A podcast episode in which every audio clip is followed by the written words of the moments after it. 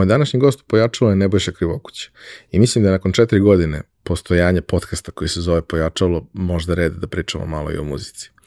Nebojša je kolega marketar, kako on za sebe voli da kaže sloganđija.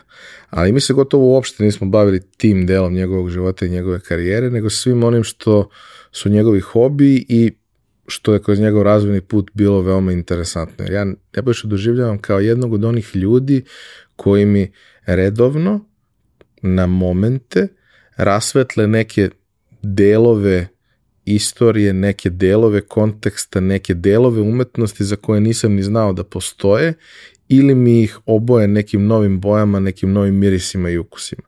On je jedan od onih ljudi koji uh, svakoga dana uradi nešto da vrati dug ljudima koji su njega inspirisali. I zahvaljujući tome mi danas znamo za neke stvari koje bi verovatno da nema takvih ljudi bile zaboravljene. Ovo je prvi deo razgovora i ne tvrdim da će sa njim biti kao sa srđanom neograničen broj, ali prilično sam siguran da ćete u ovome uživati i ako vam se dopadne da ćete kao i ja jedva čekati da snimimo drugi deo. Realizaciju ove epizode pojačala podržala je kompanija Epson. Epson je već više od 20 godina vodeći svetski proizvođač projektora i štampača za sve namene od onih kućnih do profesionalnih. Posebno vam skrećemo pažnju na aktualnu ponudu Epson Business štampača.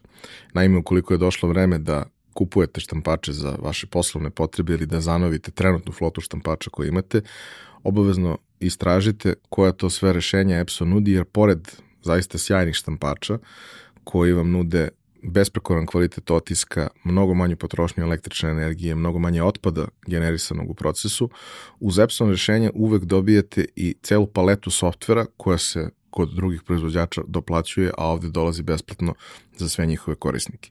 Za više informacija pogledajte businessprint.com, piše se onako kako se izgovara. Hvala vam. Novi partner našeg podcasta je advokatska kancelarija OC Law iz Čikaga. Da li imate nedoumicu u vezi sa emigracijom u SAD ili vam je potreban savjet advokata u vezi sa američkim vizama svih vrsta? Sve odgovore možete pronaći na osilo.us ili zelanakarta.us. Za slučaj da želite da nas podržite vi individualno, možete da posetite link u opisu podcasta na platformi Buy Me a Coffee i tu možete kupiti mesečnu pretplatu ili jednokratno donirati neki jednost koji želite. Hvala vam unapred na tom.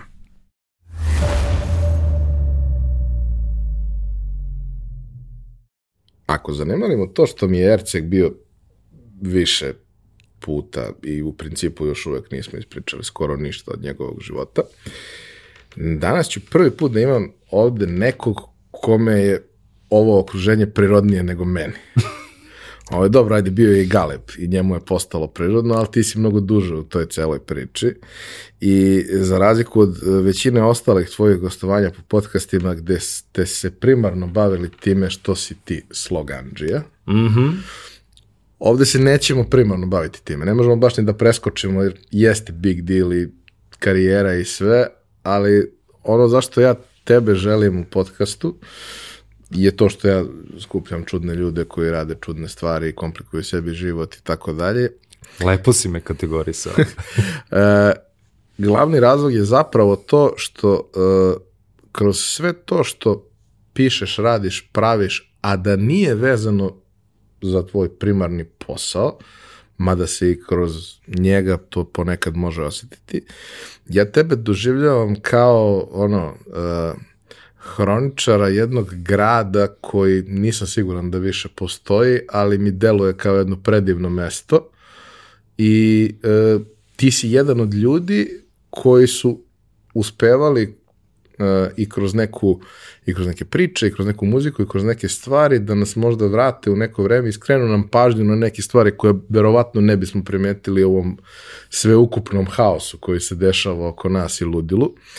I u principu hoću da pričamo naravno o tvom odrastanju, svemu tome što je prolazilo ovaj, kroz vreme i šta se sve dešavalo i čemu si prisustvovao Ovaj, I ok, dotaći ćemo se marketinga jer nam to jeste zajednička tačka, ali mnogo više hoću da pričam o, o nekim stvarima koje su um, pitanje srca i duše, a malo manje glave. Ove, ovaj, Nebojša, dobrodošao. hvala ti i na ovakvoj najavi. Jesi li siguran da želiš da pričamo o svemu tome? pa ja sam siguran da mi ne možemo da ispričamo previše toga, ali da možemo da podstaknemo ljude da na malo drugačiji način posmatraju stvari oko sebe i da se prisete nekih ovaj, zanimljivih ljudi, zanimljivih momenta, da se vrate na neka mesta. Znači, ja sam imao taj moment, i to sam istraživo i kao kažu da je to vrlo, vrlo karakteristična stvar. Ne postoji ništa što mene može da vrati u detinstvo tako jako i intenzivno kao kad osjetim neki miris koji sam osetio pre mm -hmm, 30 mm -hmm, kusur mm -hmm. godina.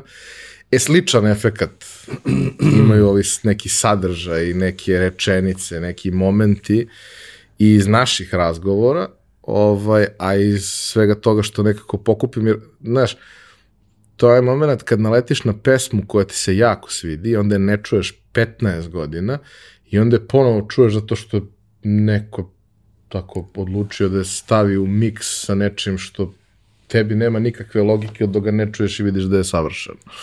Ovo je zanimljivo, pošto ja nemam pesmu koja mi se veoma dopala, koju nisam slušao 15 godina, odnosno ja sam u tom smislu uh, se veoma često vraćam stvarima koje su mi u nekom trenutku uh, zagolicale, rekao se da preskačem u glavu, dakle srce i dušu, ok, ali uh, ima još jedna stvar u kojoj se možda malo razlikujemo. Taj grad koji ja, mi sa vremena na vreme pokušavamo da rekonstruišemo ili da nekim ljudima prenesemo kako je on izgledao, taj grad i zapravo i dalje postoji. Njega čine možda sada ljudi koji su se malo više povukli u senku, a, ali čine ga i dalje i neke knjižare i neki ćoškovi. A, donedavno je u Čikaljubinoj, ako se dobro sećam, stajala čak jedna mala pločica PKB, Tako da na nekim možda neočekivanim mestima taj grad ispliva veoma često i sa druge strane to je neka priča o kontinuitetu. Taj grad se promenio veoma i neki drugačiji možda svet ili drugačija muzika se u njemu svira, ali negde možda ispod tog prvog sloja sada jeftinog asfalta koji se nanosi na Beogradske ulice i dalje ima neverovatnih stvari. I dalje ima neverovatnih stvari i mislim da ono, da je krvotok grada i dalje tu, ali da postoji baš onako previše svega nečega preko što je dosta teško raskloniti. Mislim da je to u principu onaj neki generalni utisak svih nas da smo konstantno pretrpani ogromnom količinom raznih informacija i da zbog toga više vrlo često nismo u stanju ni da filtriramo, ni da se odbranimo od toga, već samo idemo u, u ignore mod mm -hmm. i onda samim tim ne radimo ništa. Znaš, za, zašto ti kažem te pesme? Ima nekoliko ljudi koji na, na mene rad, rade na taj način. Povremeno recimo to uradiš ti, povremeno uradi Milivoje Čalija, povremeno Aha. uradi moj dragi prijatelj Nikola Lazarević, ima tako još par nekih ljudi koji provuku tako neke stvari i ja ih se onda setim i setim se kad sam ih slušao i kako je to sve bilo, ali ne napravim sebi kako treba playlistu jer sam ih čuo negde usput i nemam kada da se pozabavim time, a taj ono Facebook nije povezan sa Spotifyem i on to neće skapirati. Ako se ne pozabavim time, a neću stići jer trenutno ipak prioritet predstavlja slušanje Vranjkovića. Ove, ali Tome dobro. te razumem u potpunosti, da, dobro. Ali vidi, uh, sada već dokazano, muzika je ta forma umetnosti koja pali najviše različitih razvojnih centara u našim glavama. Moram da se vratim na glavu i vraćaću se na nju s vremena na vreme. A, I mene to i dalje radi. Odnosno, ja pripadam toj sorti ljudi koji zahvaljujući muzici možda lakše putuju kroz prostor ili kroz vreme i uh, iako nisi postavio to najteže pitanje i jedino pitanje na koje sam se do sada pripremao od svega o čemu ćemo pričati, a, nekako ja muziku dan danas koristim i kao putokaz. I svakoga dana se pojavi neka nova pesma, pre tri dana se pojavio novi singl Petera Gabriela, koga ja veoma volim, A, I kada sam počeo da istražujem zašto objavljuje pesme baš u toj dinamici, a objavljivaće ih do kraja godine samo u noćima punog meseca, to je koncept, kada sam pogledao šta se nalazi na kaveru tog novog singla, otkrio sam i meni nepoznatog umetnika, čije je delo refleksija nečega što se dešava u britanskom kraljevskom umetničkom društvu ili tako nečemu. Bukvalno, i to je mantra koje se držim čitavog života, najčešće je potrebno da malo, da samo malo tu površinu, ne moraš ni da je zagrebeš, prebrišeš je i krene da se pojavljuje neka neverovatna količina stvari koje onda se slažu u neke nove slike, neke nove mozaike i ja evo uživam u tome već dosta godina. I mnogo mi je drago što uh, postojiš i što radiš te stvari i što te stvari radiš javno, barem deo njih, da i mi možemo ovako neposvećeni da s vremena na vreme se dotaknemo toga. Zaboravio sam, a nije lepo da zaboravim, Lončarević. Ovaj, kao Koji još jedan, specijal o Vranjkoviću okačio na Mixcloud pre nekoliko dana. Ovaj, ele, ajde da krenemo red. Mančmelo pitanje. Šta ste budeš kad porasteš? Da, to, to je jedino pitanje o, o, o kojem sam zapravo razmišljao. A, m, pokušao sam da osvestim, jer ok, kao i svi klinci prolazili smo tu fazu, želim da budem Doc Savage, želim da budem futbaler, ali to se menjalo na dnevnoj bazi ili čak i više puta dnevno. Ali kada sam nekako sabrao šta sam to kao klinac čitao, radio, želeo, shvatio sam da je jedina stvar ili jedna stvari koja povezuje sve te moje tadašnje želje je da sam želeo da naučim kako se pričaju priče. I nekako je u tu, ovo je malo ovako luzli definicija, ali to je suština. Pošto sam ja imao tu sreću da sam odrastao u nekom okruženju ljudi koji su bili fenomenalni naratori. Nije to bila ekipa književnika, pesnika, bilo je i njih, ali nisu oni važni za, za ovu priču.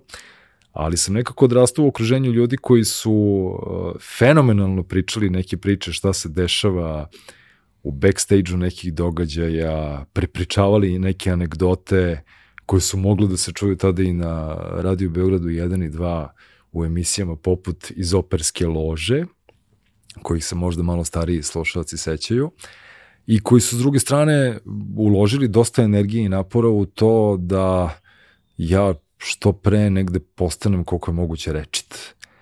Što je podrazumevalo da se išlo više puta nedeljno i u knjižaru, nekadašnje knjižara Sano na Knez Mihajlovoj, što je podrazumevalo da sam ja bio okružen knjigama u, u, u ono neko vreme i slušajući sve te ljude, gledajući kakve reakcije te njihove priče izazivaju u drugim ljudima, a, otkrivajući kako se neke priče menjaju, kako ja polako odrastam, jer ti kao klincu ne kažu sve, nego čekaju da sazriš da bi neke stvari mogao da, da, da prihvatiš kao činjenicu, a, shvatio sam da to nešto što, što mene zanima izuzetno i nekako mislim da sam sve to osvestio kada sam u petom osnovne dobio četvorku kod profesorke koja je važila za ozbiljan problem za svako mlado biće koje želi da se bavi pisanjem.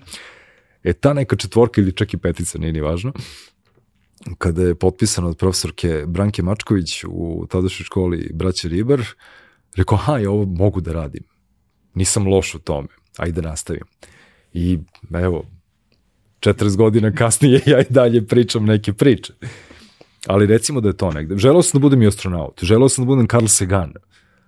Jer u momentu kada su prvi put emitovali serijal Kosmos na, na tadašnjoj jugoslovenskoj televiziji, pojavio se tip koji zna sve o svemu. Ja sam veoma želao da budem kao on, ne moram možda baš toliko toga da znam koliko je on znao u tom trenutku, ali vidi kako čovek priča, vidi kako kupuje pažnju, onda vidiš Dragana Babića na radio televiziji Beograd, odnosno na televiziji Beograd, pa slušaš kako on priča priče, pa ti onda on otkrije neke nove perspektive kako sve priče mogu da se pričaju. Onda čitaš dečake Pavlove ulice, pa se rez tri godine kasnije nađeš u rukama sa ranim jadima Danila Kiša, pa se onda nađeš malo kasnije u Markisovom društvu i odnese đavo šalu i to bude to. Mislim da uh, iz nekog razloga nije dovoljan broj ljudi koji je imao u svom okruženju ljudi koji su bili neverovatni pripovedači.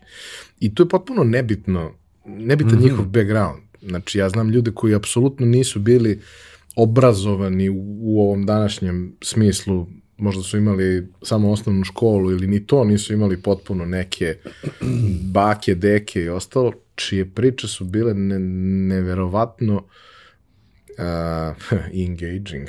Uh, uvlačile su te i, i predstavljale su ti znaš, čitav jedan svet i jedno vreme na, na način da iako imaš 8 godina i to ti je potpuno sve predaleko i strašno, ti osjećaš ukus toga, mm -hmm. osjećaš miris toga, mm -hmm. a ne znaš, ne znaš šta je to. Ali i dalje ti, on uspeva da ti dočara to na taj način. I mislim, ono, na kraju dana, i ja sam se opredelio da budem storyteller zato što sam na ovaj ili onaj način, zato što sam u svom okruženju imao nekoliko ljudi koji su bili svašta nešto, ali za mene nisu bili to svašta nešto, nego su za mene bili najzanimljiviji ljudi na svetu. I to je jednostavno bilo magično. I onog trenutka kad sam skapirao da to može da se poveže i sa vizuelnim, da može da se poveže i sa nekom drugom formom izražavanja, a da ja možda imam smisla za neku od njih.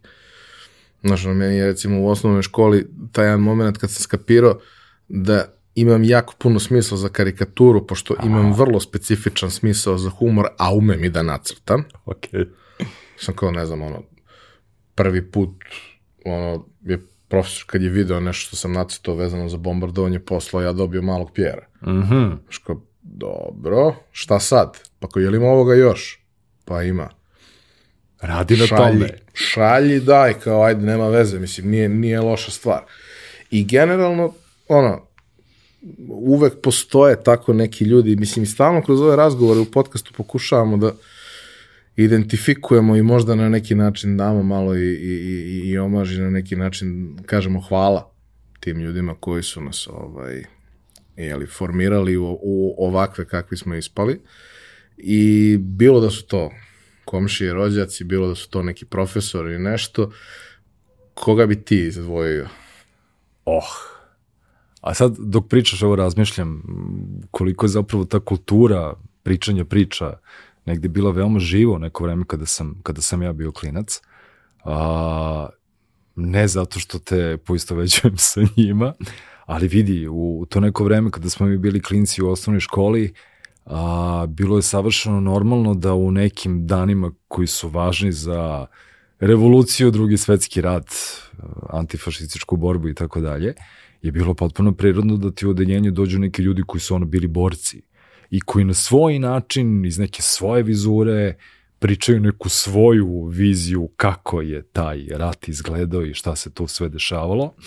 Uh, I to čak potpuno lično bilo kakve ideologije, to su bilo neke priče o nekim mukama i ljubavima i uspesima i neuspesima, tu se nije spominjao Josip Broz Tito, tu se spominjala ekipa koja je iz njihovog sela zajedno sa njima krenula u Partizane, priče, potpuno lične ja. priče, ali su one bile fenomenalno lepe, jer su ti otkrivala zapravo koliko toga se krije možda van tog bazičnog rama, one priče o ratu koji smo mi kao klinci jeli učili. A, ogroman je broj ljudi koji su, ne, ne mogu da izaberem jednog, nema šanse, jer negde za to kako se priče pričaju i koliko su one dragocene i koliko pomeraju ljude, pored te neke moje naravno bazične porodice, a, naš kum Miomir Ristić, poznat inače kao jedan od osnivača ansambla Renesans, je čovek koji na najduhovitiji najstrastveniji način priča najneverovatnije priče na svetu. Dan danas to radi takođe. I ja njegovu dikciju recimo jako, jako volim i poštujem i volim da pričam s njim i sada. Ali to je sigurno i neki broj ljudi koji u to vreme postoje i pričao na radio i televiziji Beograd. A, malo čas spomenjeni Dragan Babić. To je svakako i najmanje dvoje, troje, četvoro profesora iz moje osnovne i srednje škole. To su neki prijatelji ili roditelji mojih prijatelja. To je sigurno i Danilo Kiš, to je sigurno i Jack Kerouac a, to je sigurno i a, niz stihova nekih pesama koje su se vrtele kad smo mi bili klinci 80-ih, pa smo ih mi ponavljali, čak i nismo ni razumeli o čemu se to sve radi, ali nam je zvučalo zanimljivo. Dakle, to je jedna jako šarolika galerija ljudi. Mm, ne, ne, neću ti izdvojiti jedno ime, to je Ne, apsolutno ne mora da bude jedno. Zapravo i jeste ideja o tome da to ne bude jedno, nego ko su ti ljudi bili. Ali je super, znaš, super je kad objasnimo ljudima da kao ljubav prema književnosti ne mora da ti usadi profesor srpskog, može da ne, ti ga ne, usadi ne, ne, neko ne, ko ne. nema nikakve veze sa time, ili može da bude, ono, može da ti usadi profesor mehanike. A, Zato što je da. neverovatan storyteller. I to je to, baš sam pričao u jednom od prethodnih podcasta, znači naš profesor mehanike, ovaj, koji je bio jedan od najstrožijih profesora, on je skapirao koliko su nama dosadni ti zadaci, jer su bili, mislim, mehanika je vrlo kompleksna, fizika i sve mhm, ostalo, i kao mhm. naravno jeste teško i sve to, ali nije ideja da sada još bude i najdosadnije na svetu napisano. I onda je on imao te momente da neke stvari objašnjava tako što ono, ovaj, ne bude to priča koja stoji tamo, nego on pogleda zadatak i onda ispriča neku priču koja je skoči žaba na lokvanj mase te i te i napravi to i to i sad naravno mi se prvo valjamo od smeha, onda narednih 15 minuta razmišljamo o prokletoj žabi. Upravo, Jer upravo, upravo. ono, da sam pročitao nešto što je dosadno sa Kao kvadrovima lekcija i u- takvim naravno, stvarima, ne, naravno. ne bih nikad vizualizovao, niti bi mi bilo bitno. Mislim, je, Sad si, sad si me podsjetio uh, jednu od osoba koja je bila jako bitna u našim formativnim godinama kad smo bili klinci, je bila naša profesorka engleskog u osnovnoj školi. A, znam da će ovo gledati i znam da će se ono prepoznati, prijatelji smo na fejsu dan danas, ali profesorka Vera je nama čak u nekom trutku shvativši da je okružena nekom radoznalom decom koje bi nekako da izađu malo van te zone onoga što piše u učbeniku, onoga što je nastavni program i tako dalje. I onda nama davala da radimo neke vežbe koje su dramatično uticale na razvoj nemalog broja ljudi, jer toj grupi uh, raspojasane dece je bilo više nas. I onda nam je davala vežbe poput hajde sada napišite dve stranice teksta o recimo ovom crtežu koji visi u onoj školskoj o, vitrini na hodniku, ali zapravo nemojte ništa da kažete. Dakle, vežbajte kako se priča, a da to bude besmisleno i to je namerna vežba. Mnogo godina kasnije sam se sa sličnom vežbom sreo na radiju kada sam počinjao da radim, ali nam je davala te neke vrste izazova koji su za klinca od 13-14 godina fenomenalan izazov. Još ako se to poklopi u nekom trenutku sa našim nekim otkrivanjem nekakve subkulture, a, toga da postoje neke stvari koje se možda ne nalaze tako lako u bibliotekama ili na radio talasima, kada se to poklopi sa onim godinama kada te tresu hormoni, jel formiraš se u nekakvog odraslog čoveka, to te obeleži za čitav život. I ja, ne baš zbog prirode posla kojom se bavim, ali ja se veoma često setim tih situacija kada ona kaže ajde sa dve stranice teksta bez smisla, jer te to zapravo uči kako možeš da meandriraš u narativu i da manipulišeš rečima, Dok se ne setiš šta si zapravo hteo da kupuješ kažeš. vreme. Upravo to. Zgodne vežbe, veoma. Za podcastere, naravno. Ove, sjet, ne sjećam se jednog momenta i skoro sam video tog profesora i bilo mi je mnogo drago. Video sam ga zapravo na jednom od pojačalo druženja. Profesor uh, Slobo Brkić koji nam je predavao informatiku u srednjoj školi, nam je predavao informatiku recimo četiri časa i onda je nestao. Ali za četiri časa, zapravo za jedan čas, on je tektonski promenio moj svet, A posebno je to znači da što sam ja došao i već sam prilično napredno programirao. Ok, ja nisam ok. naučio ništa o programiranju u srednjoj školi. To što sam znao u sedmom razredu je bilo dovoljno za ono faks, verovatno. Ali on došao i pokušao, pošto naravno to je takva smo bili generacije da prethodno nismo imali programiranje u osnovno, Mhm, nismo mhm, imali mhm. računare, u osnovno nije bilo ničega od toga. Prvi susret je prva godina srednje.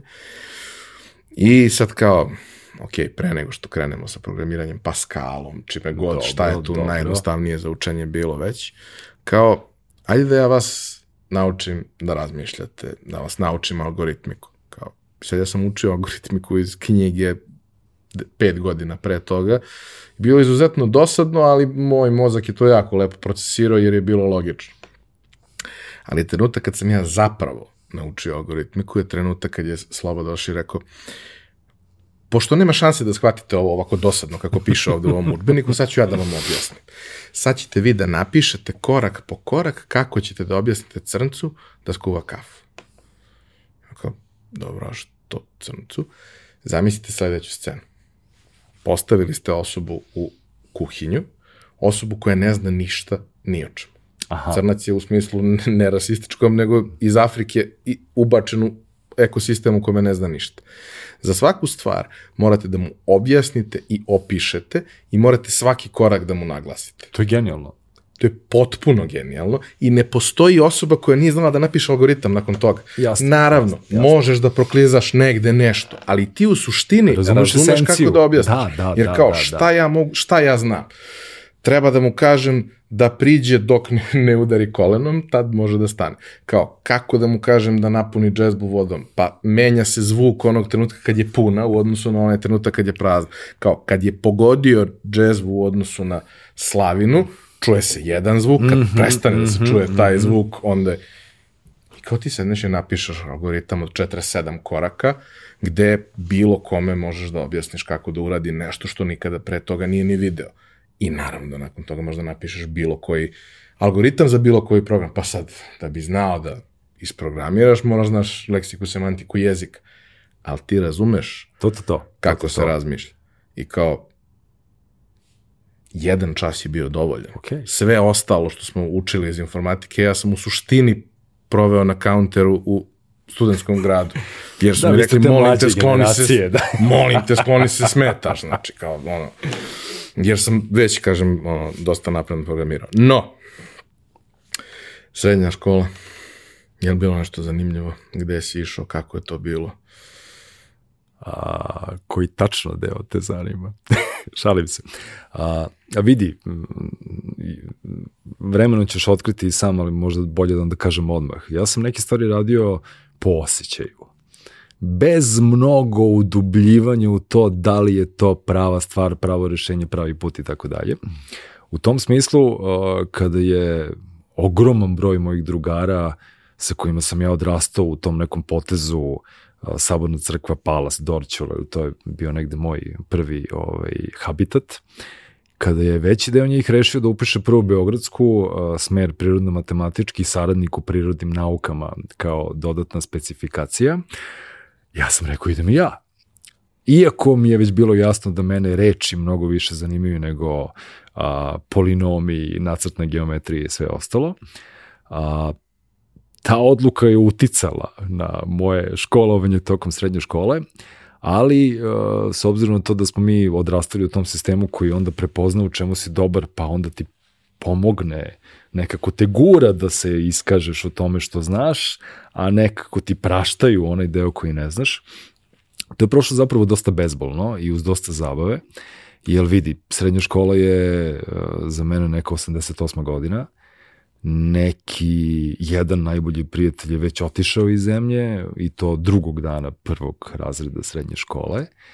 A, počinju da se snimaju neki bendovi, počinje da se nešto svira, a, počinje da se otkriva nekakav drugačiji svet ili gledaš na velikim odmorima drugu smenu, odnosno treću godinu ili četvrtu godinu, počinješ da otkrivaš i neki svet koji je do tog trenutka bio negde van tog ekosistema, prva Beogradska je bilo onako jedan veliki hub, bi sada rekli, u kojem se slivao veliki broj ovaj, deci iz različitih delova grada. I u tom smislu bilo je zabavno, naročito u fazama kada je, su probe benda mnogo važnije od nekih predmeta. I a, bilo je još zabavnije. A, ja ovu priču nikad nisam do kraja ispričao javno, evo ti ćeš sad imati ekskluzivni materijal. Bilo je još zabavnije kada je došla mm, 90. 91. Odnosno neko vreme kada sam ja već uveliko uveden u evidenciju vojnog oceka i kada meni negde u zimu 91. što je već neko vreme kada se ja recimo sa mojom tadašnjom profesorkom srpskog jezika u školi svađam zato što ja čitam vreme, ona misli da to nije okej. A, ok, škola je barem bila dovoljno liberalna da se o tim stvarima raspravljalo na časovima.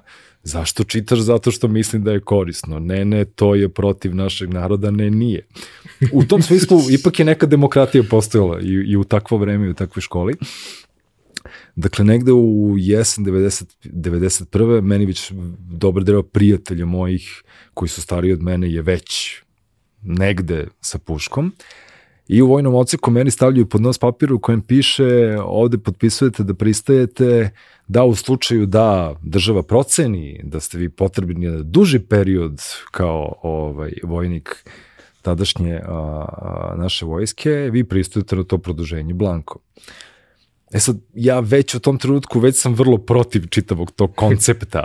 Ne pristaješ ni na skraćenje, ne, ne pristajem na, na kratak period, ali bela je u tome što sam ja na svim testiranjima, onim, onim regrutacijama i svim tim procesima, ja sam bio toliko dobar da meni se nudi ono škola rezervnih oficira. Uh, ja inače u životu sebe ne vidim kao lidera koji komanduje drugim ljudima. To je za mene prosto neprihvatljiv model rada u bilo čemu. U nošenju biblioteki na deseti sprat. To je zajednički ravnopravan posao, a ne jedan komanduje, drugi nose. A, I da malo to ispoetišem dodatno, tih dana je u vreme kad sam ja morao da potpišem da pristam na to produženje ovaj, do, do besmisla, a, je stigao u bioskop Jadran film Mediteraneo gledao se film Sve ti je jasno, jedna divna antiratna priča, sunce, more, drugi svetski rat, otkrivanje smisla života i sve ostalo.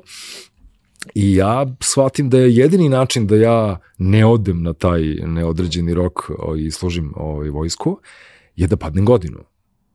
Nema drugog načina. Dobar sam đak. U vojnom ociku sam zaveden kao potentnan za oficira. A, fizički mi ništa ne fali nemam nameru da upišem ETF ili mašinac I ne bi da lomim nogu. I, I ne bi da lomim nogu ili ruku kao u filmu Bekstvom ovaj, da pobede. Ja osvestim da je jedini način da je ponovim godinu i to je jedan dosta bitan formativni moment u životu svakoga ko ima u tom trenutku 18 godina i živi u državi još uvek Jugoslaviji koja se upravo veoma dramatično raspada na paramparčad moji, inače su nas vaspitali i meni i brata izuzetno ovaj, liberalno i svašta nam je dozvoljeno u životu bilo u granicama pristojnosti i onoga što je zakonom nekažnjivo. A, naravno, kao i svaku drugu moju odluku u životu kažu ako si tako rešio, ok, just do it. Tvoja odluka, imaš našu podršku. To je podrazumevalo da ja nekim profesorima u Prvoj Beogradskoj mogu da kažem šta sam namerio, ali postoji procenat profesora kojima ne smem da kažem šta sam namerio a da bi završio čitav proces meni su potrebno četiri keca. Što nije baš tako lako. Nije lako kada ti u tom trenutku prosek 4,8. Odnosno imaš neku trojku iz fizike, sve ostalo si super. A, taj proces je trajao neko vreme, a, dovodio do nekih užasno komičnih momenta, a, razgovora moje majke sa mojim profesorima, ubeđivanja da meni ne treba da se popravljaju ocena, treba da snosim konsekvence svog ponašanja pošto sam se raspustio i tako dalje. Da ne doljim, ja ne odem u vojsku u leto 92. O, ponovim tu četvrtu godinu, ponovo završim kao odličan đak. U toj godini se desi jedan veliki obrt u mom životu, to je da sam prvi put u životu ušao na radio Pingvin kao klinac a, tamo upoznao i moju ljubav sa kojom dan danas živim 31 godinu kasnije i nekako se život zavrti u potpuno drugačijem pravcu.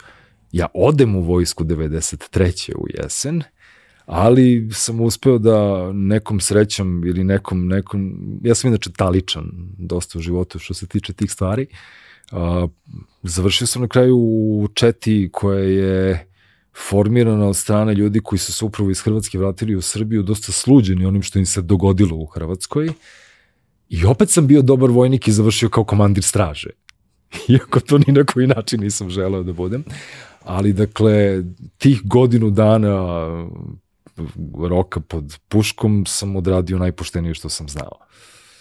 I tu je bio negde kraj mog vraćanja duga moj domovini jednom zauvek. Što se kaže, Mislim da sam u pretplati. E, bukvalno. A, tako da eto, ako računamo tu godinu u srednjoj školi koju smo ponovili i tu godinu u vojsci, dakle to su dve godine u pretplati onako ozbiljne, kao nije malo. Naročito kad imaš 18-19 godina. A šta je bilo toliko magično na Pingvinu? Sve. ok, ovo je očekivani odgovor. A, meni je jasno da je sad užasno teško ljudima predstaviti uh, kako je taj radio disao, zvučao, šta je promenio kada se pojavio.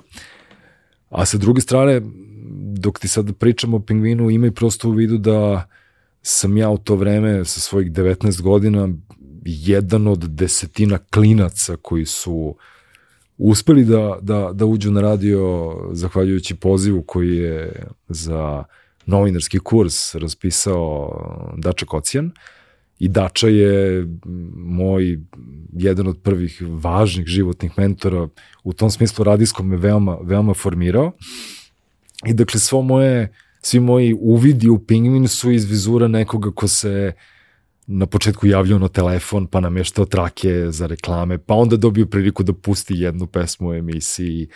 Mic po mic došao do mikrofona, nakon što sam prošao sve te stepene, ali Pingvin je bio nekako koncipiran, uh, formalno je tu jedan od, jedan od ono, uh, slogana ili sajniđa čitave priče bio uh, radio bez nornjaka i politike.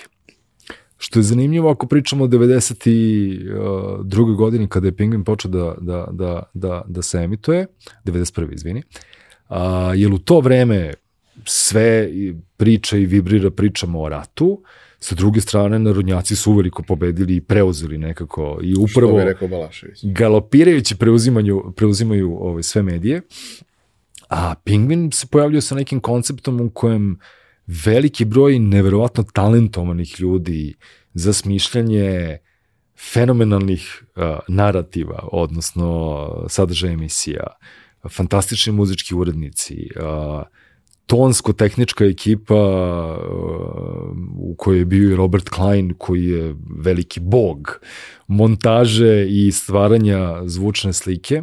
Svi ti ljudi su se našli u jednom prostoru i dobili ozbiljnu količinu slobode da rade kako misle da je ispravno. To bez politike je stvarno bilo samo uslovna stvar, jer politika i tekako probijala na emitovanju u raznim situacijama. A, od nivoa da kada su bili izbori Milošević-Panić, mi tako slučajno pustimo Moj Milana Jabuko sa grane, inače ta vrsta muzike se na Pinguinu nije puštala, do emitovanja grupe Strah i pesme Vođa u izbornoj tišini i probijanje nekih rečenica koje je svako ovaj, mogao da razume o čemu mi to pričamo.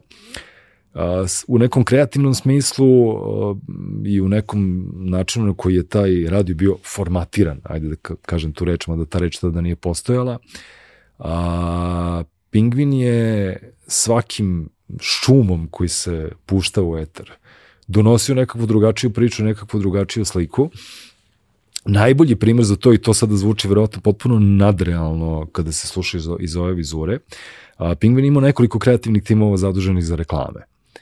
A, to je tehnički značilo da ti kada želiš da se oglašavaš na tom radiju, a, zahvaljujući producentu koji preuzima te projekat ili sticu okolnosti, a, tu neku radio kampanju koja će se emitovati na Pingvinu za tebe rade ili tim talenata Beograda, odnosno Mićko, Dado, Jaca i ta ekipa, ili rade Robert Klein i Vojane Deljković uz pomoć Spase, ili rade Dača Kocijan, Hogar, Kockica i ta ekipa i još je bilo takvih timova, što je suštinski značilo da su reklame koje su se emitovale na radiju bile toliko duhovite i toliko nenormalne i toliko je bilo često da traju duže od minut To su bile mini radio drame, to nije bila reklama u pravom značenju te reči.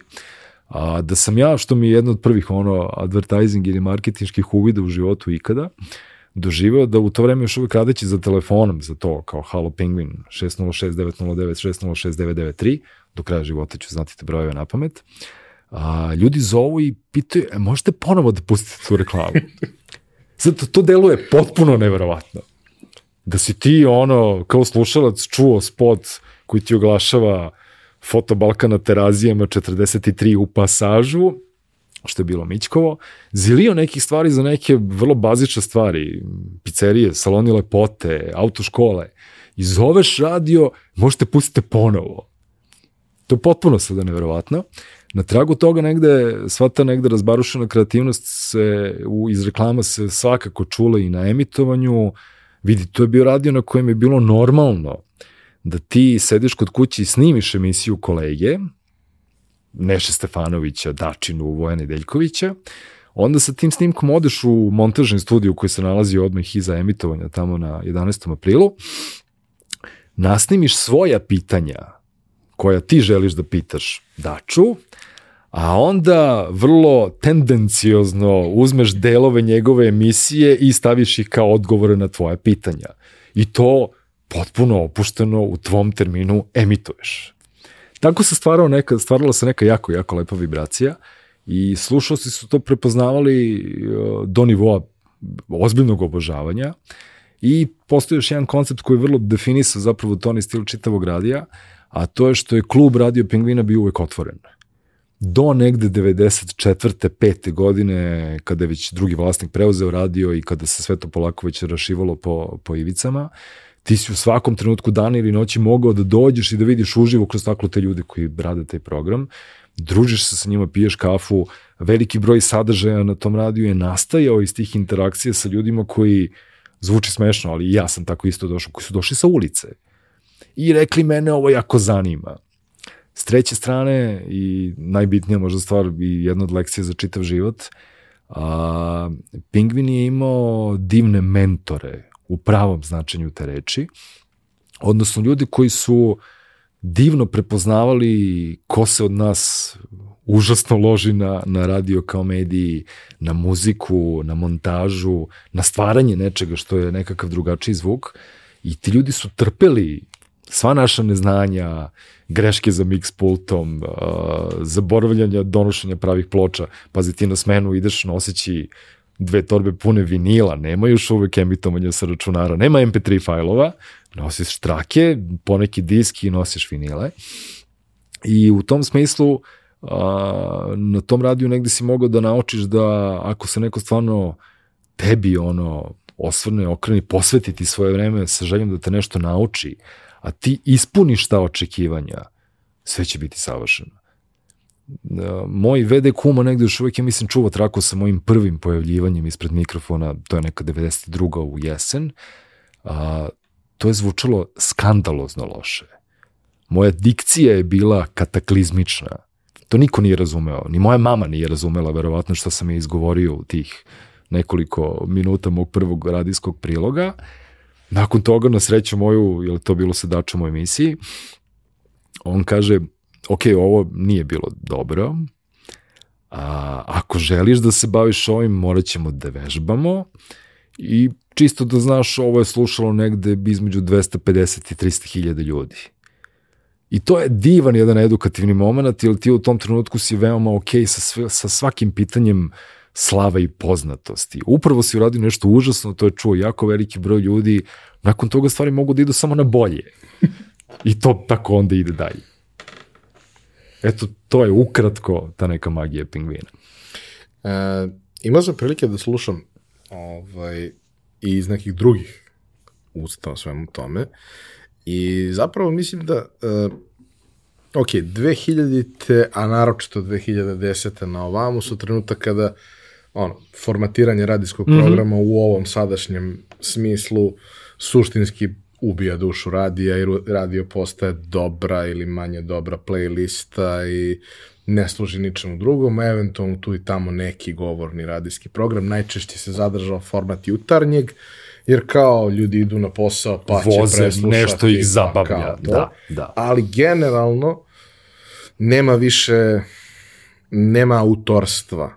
Nema ni spontanosti spontanost manje više, znaš, kao spontanost je level up, mm -hmm. ali autorstvo je da uh, slušaš to zbog nekog, zbog načina na koji neko razmišlja, zbog nekih vrednosti koje neko nosi. Spontanost je nice to have.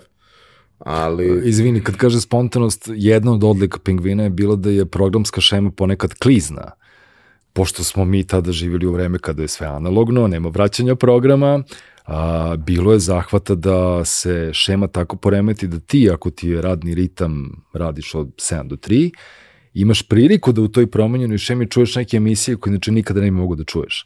Pa ti noćni program ide popodne. Pa ti ona ekipa koja radi suboto jutro radi u sredu veče. Jer tako imaš priliku da upoznaš ko se sve krije, ko su sve ti mali ljudi iz radija. U tom smislu bilo je spontanih akcija koje su slušalcima delovalo možda nerazumno, ali su koristile. ali jeste, to je, to je taj moment i to je ono, um, neki duh grada. I okej, okay, tada si imao autorstva i mm -hmm, na televizijama mm -hmm. i sve tome, ali televizija je bilo mnogo manje, prostora je bilo mnogo manje, bilo je mnogo teže napraviti nešto. Kada su se pojavile privatne televizije, one su automatski morale biti ekstremno komercijalne jer je to da bilo izuzetno skupo naravno. i komplikovano i sve. Dok je radio još uvek mogao da bude neka vrsta poligona. I mislim da je za mnoge ljude e, koji su imali svoje komercijalne mm -hmm. delatnosti na raznim mestima, radio ostao taj poligon za kreativnost, koga nisu očekivali ništa drugo nego da ih neko pusti. A vidi, radio inače u, u negdje u našoj pop kulturi, kraj 80-ih, početak 90-ih, a, s jedne strane bio užasno važan medij zato što se mnogo toga, uglavnom loše, dešavalo na dnevnoj bazi i radio je bio način da najbrže saznaš šta ti se dešava u gradu, gde su demonstracije, gde policija tuče demonstrante, šta ima novo u Hrvatskoj i tako dalje. A, sa druge strane, pojavila se jedna divna generacija ljudi koji su se uglavnom negde grupisali oko B92. A, ja sam B92 slušao od prvog minuta emitovanja. To je dakle bio zvanično bio 25. maj, zapravo je program počeo nekoliko dana ranije, 89. da se emituje na 925. A, ta grupa ljudi, uglavnom, koji smo mi znali kao redakciju ritma, znali smo sa nekih drugih alternativnih priča, mesta i stanica, I jedan put si ti u gradu, pored regularnog radio Beograda, Stokeca, Studija B, koji je u nekom drugom smislu bio jako važan, pojavili su se neki ljudi koji imaju drugačiju dinamiku govora koji pred tebe stavljaju, odnosno tvoj zvučnik šalju neke zvučne slike, neke priče koje su ljuta alternativa. I sve to je jako uticalo da je Beograd počeo da vibrira drugačije. Pingvin je u tom smislu bio na neki način mainstream radio duhoviti mainstream. B92 je zvučala ja ne znam sa čime to može da se poredi, zvučala je kao što je verovatno Šarlo Akrobata zvučao kada se pojavio prvi put na muzičkoj sceni Srbije Jugoslavije 81.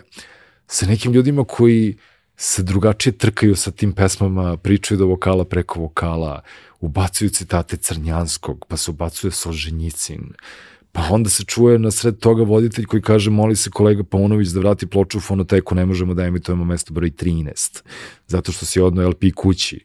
To su stvari koje su bile nemoguće na bilo kom ozbiljnom radiju do tog trenutka. A bio je vrlo ozbiljan.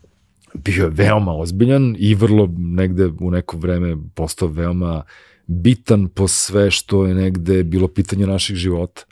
I u tom smislu meni je radio i dan danas ostao najveća ljubav kao, i kao medij i kao mesto za rad, odnosno moj usud je verovatno taj da sam, da je meni ako ne računamo rad u magacinu Turističkog saveza Jugoslavije preko omladinske zadruge 89.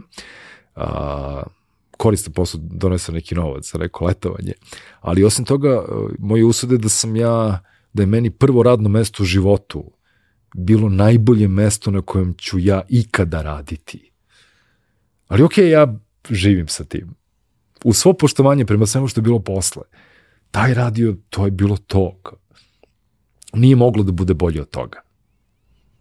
Znaš kako, ja to nekako, kada gledam sa strane i sa vrlo značajne vremenske distancije, sve ok, u periodu u kome ti pričaš, ja sam živ, imam nekih 6-7 godina, a realno nemam predstavu šta se dešava, osim činjenice da je jebeni rat i da se sve mm -hmm. dešava vezano za to, ali kad slušam to i kad analiziram ono fenomene koji su meni bili važni i to sve, ja samo vidim jednu stvar da, ono, ta 92-ka, taj pingvin o kome ti pričaš i o kome su još neki pričali, Taj BBC 10 godina ili Mhm, 15 mhm, godina pre mhm. toga su imali nekoliko karakteristika, ali prva od njih je bila da su bili nemogući. Znaš, Da, to ne može da se desi. Nema nikakve Ti kada- logike da ti kada tako bi nešto stavio to na postoji. papir, ti bi rekao, ne, ovo ne može da uspe, hajde da ovo i ne pokušavamo uopšte. Ali evo, desilo se. A, ne samo to, nego taj pingvin je u vreme to takvo kakvo je bilo, bio ultrakomercijalan u smislu stvaranja nekog profita za vlasnika tadašnjeg tog radija i na kojem je bilo mesta i za desetine tih naš, klinaca među kojima sam bio ja koji su dobili prostor, dobijali honorare za to što su radili, što se kasnije pokazalo kao još jedna tekovina koja se zaboravlja u tokom 90-ih na radio stanicama u Beogradu. A, ako radiš novogodišnje veče, smena noćna je zvanično bila od 11 do 6 ujutru, novu godinu počinjemo malo ranije, a ko radi za novu godinu bez najave on dobija dupli honorar. Niko ti ne kaže to kao hej, benefiti. Ne, to se prosto podrazumeva. Red. Da, u tom smislu je, je, je to bilo zaista negde neverovatno, ali sa druge strane me naučilo da sa čime god se kasnije u životu suočavam ili planiram da smislim ili da radim, ako mi u nekom trenutku zaliči, jo, ne može da profunkcioniše, ovo će propasti, ja se setim tog radija. I kažem, čekaj, evo moglo je, funkcionisalo je. U nekim potpuno drugačijim tehnološkim i tehničkim uslovima, a, da ne pričamo sada to trakama, kasetama, fiksnim telefonima i svemu što je nama bila tada dostupna tehnologija, ali smo to vreme i naučili i, i iz te generacije ljudi koje se sa pingvina posle krenulo da se širi po nekim drugim medijima po Beogradu, smo mi svi doneli ili poneli taj neki zdravi drive da ako imaš tri čiste šta si namislio da uradiš, nije problem što ti radiš sa četvorokanalcem i kasetama ili što nemaš neku pesmu ili što ti glas zvuči veoma čudno pa onda učiš kako se odnosiš prema mikrofonu, svašta negde korisno poneseš iz tog perioda, a na tu temu dužan sam ti ovaj, da, da referišem na onu priču od dva minuta besmisla koju smo radili u osnovnoj školi. Jedna od stvari koje je Dača nas na radiju učio i ta, ta vežba je bila užasno praktično osmišljena, osmišljena je bila da u slučaju da ti tonac koji sedi preko puta tebe padne pod sto, napije se, zaglavi se u toaletu, a, da ti možeš da popunjavaš rupu u programu, odnosno da ispunjavaš program nekim sadržajem. Vežba je, ja ti kažem termin, uključim štopericu i ti na tragu tog termina smisleno, tečno i bez ovaj, onaj i ostalih poštapalica imaš da pričaš dva minuta. Super je korisna vežba. Jer krene da ti probija neke nove kanale uh, i Prespaja sinapse, neke. prespaja ti neke stvari i onda ta vežba je zapravo vežba izvlačenja. Kako da od tačke A stigneš do tačke B, a da to nekome ko sa strane sluša zvuči kao nešto što ima smisla i što je pripremljeni materijal. Time kad ovladaš, nema više posle te prezentacije ili situacije u kojoj ti posumljaš u to da nešto ne možeš da uradiš. Možeš.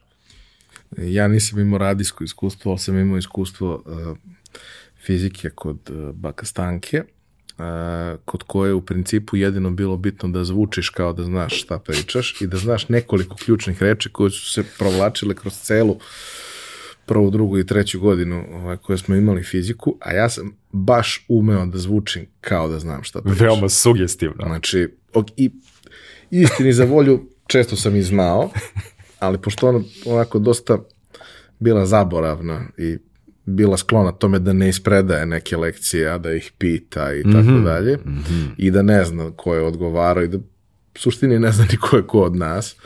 Ovaj, ja sam tako više puta odgovarao u ime raznih ljudi, jer, eto, jer sam umeo da izbušitujem i u suštini sam bazično znao i razumeo fiziku, sad što Ok, nisam znao ok, gomilu ok. nekih finih stvari, nema veze. Ali izvežbate ovaj, kroz, Naučiš, te situacije. naučiš kako ljudi reaguju na priču.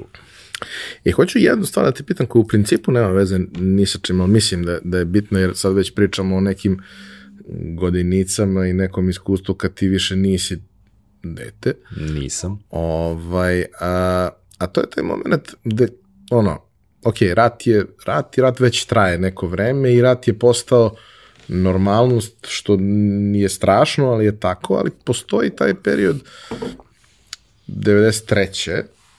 u kome se dešava hiperinflacija koja je potpuno suluda. Mm -hmm, znači, mm -hmm. ok, ljudi, ljudi koji se toga ne sećaju, klinici koji se toga ne sećaju, ne razumeju šta znači da na uh, nivou sat vremena vrednost novca devalvira toliko mm -hmm, mm -hmm, da mm -hmm. izgubiš pola ako ti treba više od dva sata da negde stigneš to što nosiš nema nikakvu vrednost, vrednost više. Da, da, da. Mm. Kako u tom sistemu, mislim, ok, funkcioniše tako što postoji jedna valuta koja je imala Gaussa i Klaru Šumu. Da, ali nije bilo uvek dostupna svima.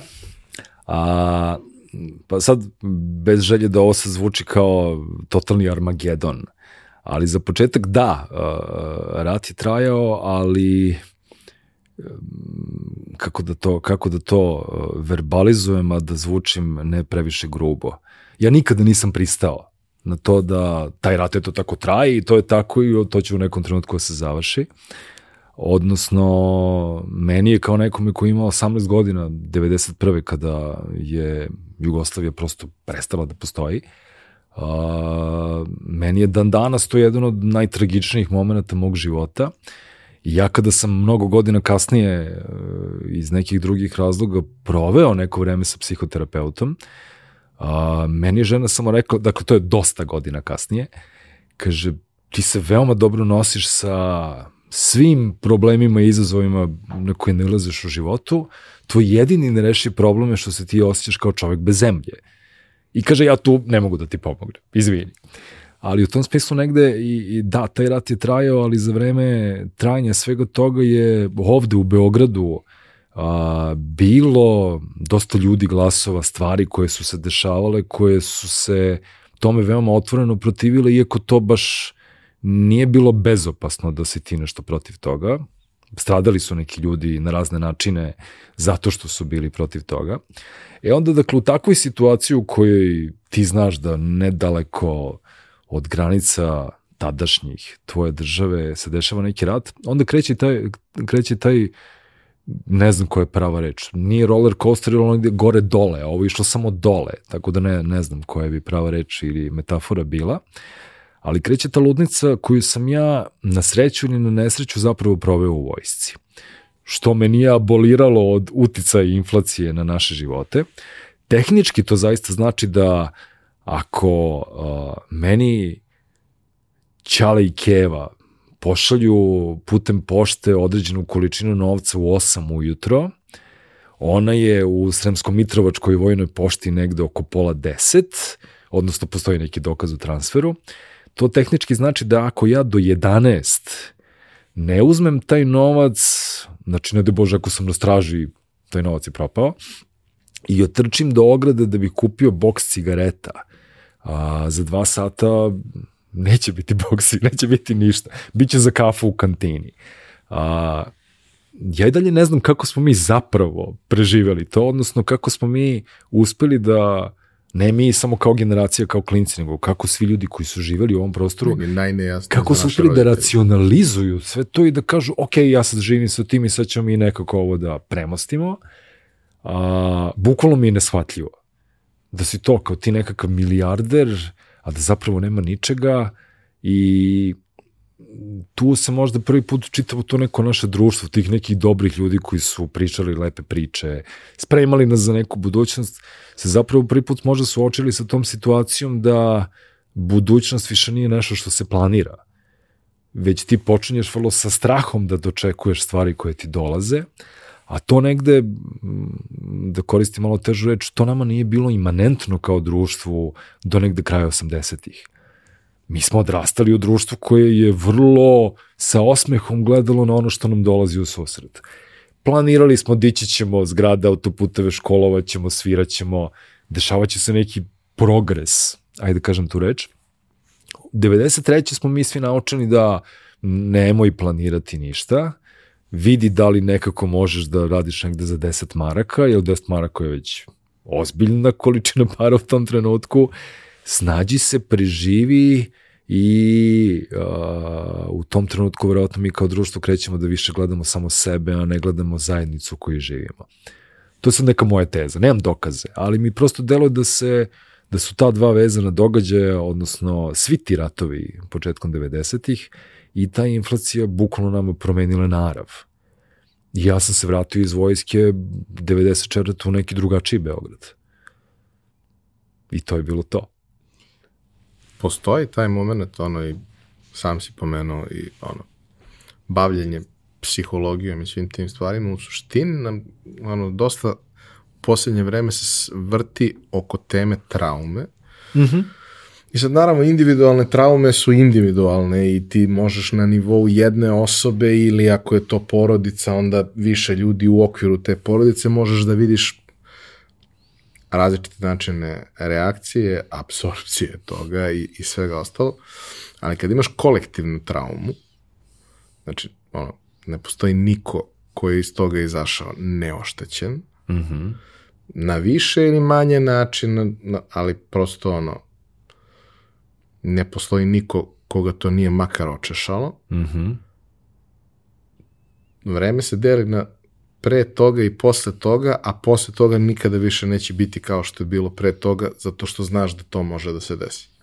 I mislim, mi znamo vrlo ovako vividno, jer se u raznim oblicima dešavalo posle još nekoliko puta. Da.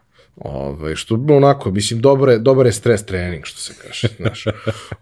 Ovaj, A, jedan, ali... od, jedan, izvini, jedan od poruka ili grafita koji su bili užasno popularni u tadašnjem oblaku u Bermudama, dačinom i, i ta rečenica čak završila, mislim, na čuvenoj knjizi, kad ja tamo ono, međutim, knjiga Beogradskih grafita 90-ih je bila ta strašna misao da je Beograd postao ili Srbija fenomenalan trening centar u kojem ako preživite prvi drill uspećete bilo gde u svetu.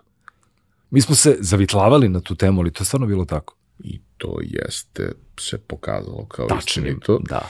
Jer suštinski svi ljudi koji su u tom periodu otišli odavde, um, niko se nije vratio, mislim, aj sad niko, ali gotovo niko se nije vratio pognute glave. Ljudi su se vraćali zato što su želeli možda da se vrate ali nisu se vraćali zato što tamo negde mm -hmm, mm -hmm, nisu mogli da imaju pristojan život. Upravo, upravo. Znaš, ovaj, I jeste malo strašno kad to gledaš sa distance od 30 godina. Ja jesam tad bio klinac, ali sam imao 8 godina što je u principu za većinu stvari sasvim dovoljno ako si duže vreme izložen da razumeš. da.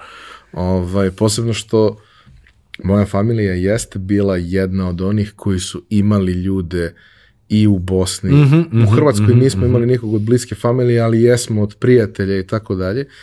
I onda si konstantno u nekom strahu i konstantno čekaš i nadaš se da će neka dobra vez da dođe, a u principu realnost je da dobrih vesti nema. Ako ima vesti, one su loše. Upravo, upravo.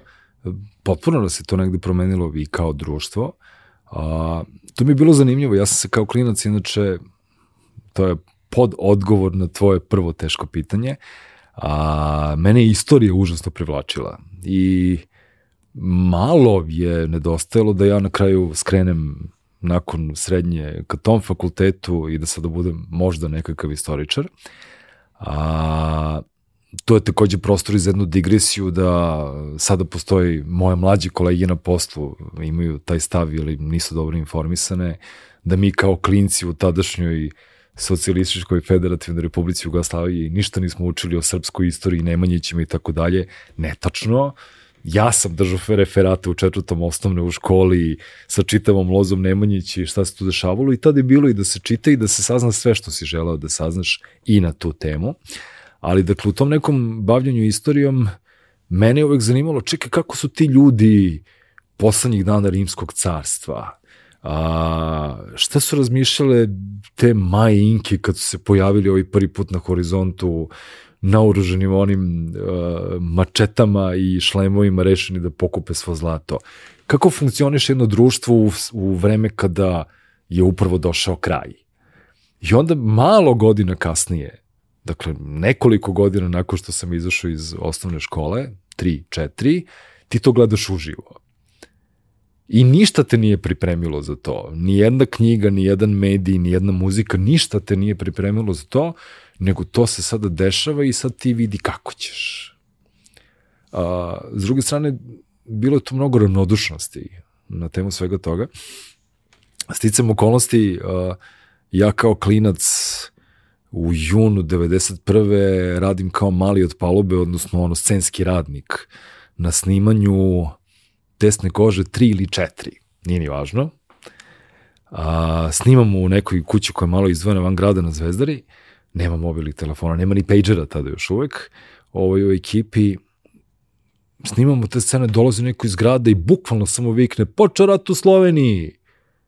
Tišina, tišina, tišina, ok, snimamo dalje. Što je bilo možda i reakcija na to da mi nismo prihvatali da se to dešava. I tako počnu 90. Nisi se dotako toga, a voleo bi da, da malo pričamo i o tome. Ovaj, ok, imao si tu situaciju sa vojskom. Mm -hmm. Koja je uspešno rešena. Uspešno Na obostrano zadovoljstvo. Ti si uh, vratio dupli dug otačbini, to je sve u redu i otišao u pretplatu. A šta je bilo sa faksom? A, pa da se vratim na onu početnu tezu o tome da sam od uvek želao da pričam priče. A, ne samo zato što sam tako olako donosio neke odluke, ali a, zgrada Fakulteta dramskih umetnosti je bila na 170 metara od zgrade u kojoj sam ja u tom trenutku živeo u bloku 28. A, I konačno sam ja dobio neku informaciju da tamo postoji nekakva dramaturgija i da bi to možda bilo dobro mesto za, za učenje o tome kako se ovaj, pišu priče, oblikuju scenari i tako dalje. Iz drugog puta sam upisao.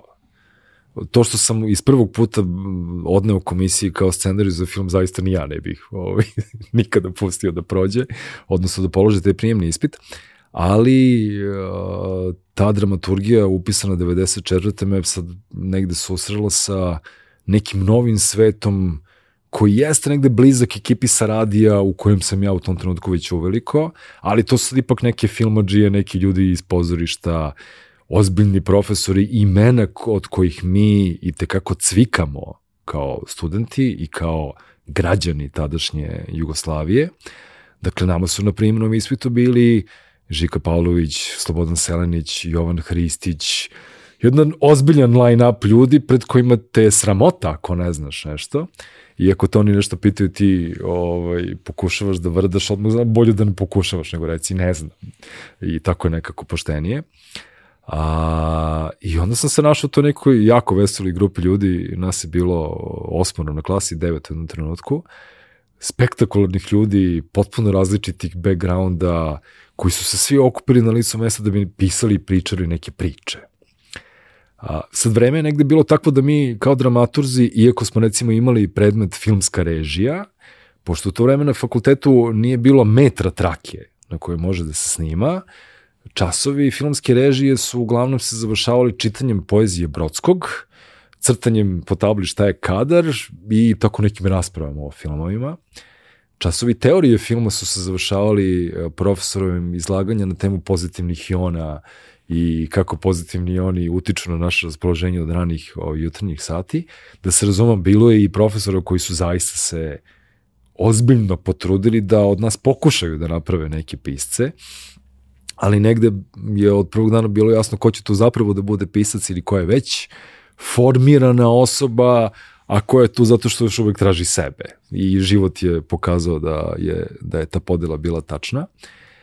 I tamo opet na tom fakultetu su se pojavljivali neki ljudi kojima je bilo jako stalo da našu radoznalost na neki način a, popune. Tako da s obzirom na to da je stice okolnosti da se mi kao klasa od kada je moj klasić Čeda Jovanović počeo protest 96. novembru, mi se kao klasa gotovo više nikada nismo sastavili. Pa tako je negde trpela i naša edukacija na tom fakultetu, ali s druge strane smo imali recimo divnu profesorku uh, Ljiljanu Sedlar koja nam predavala engleski, koja je shvativši naše neprihvatljive rupe u znanju, krenulo da pušta Pinu Bauš i krenulo da nas vodi ka tom 20. veku, zato što je shvatila da nije okej okay da mi napustimo tu zgradu i taj fakultet neobrazovani do kraja.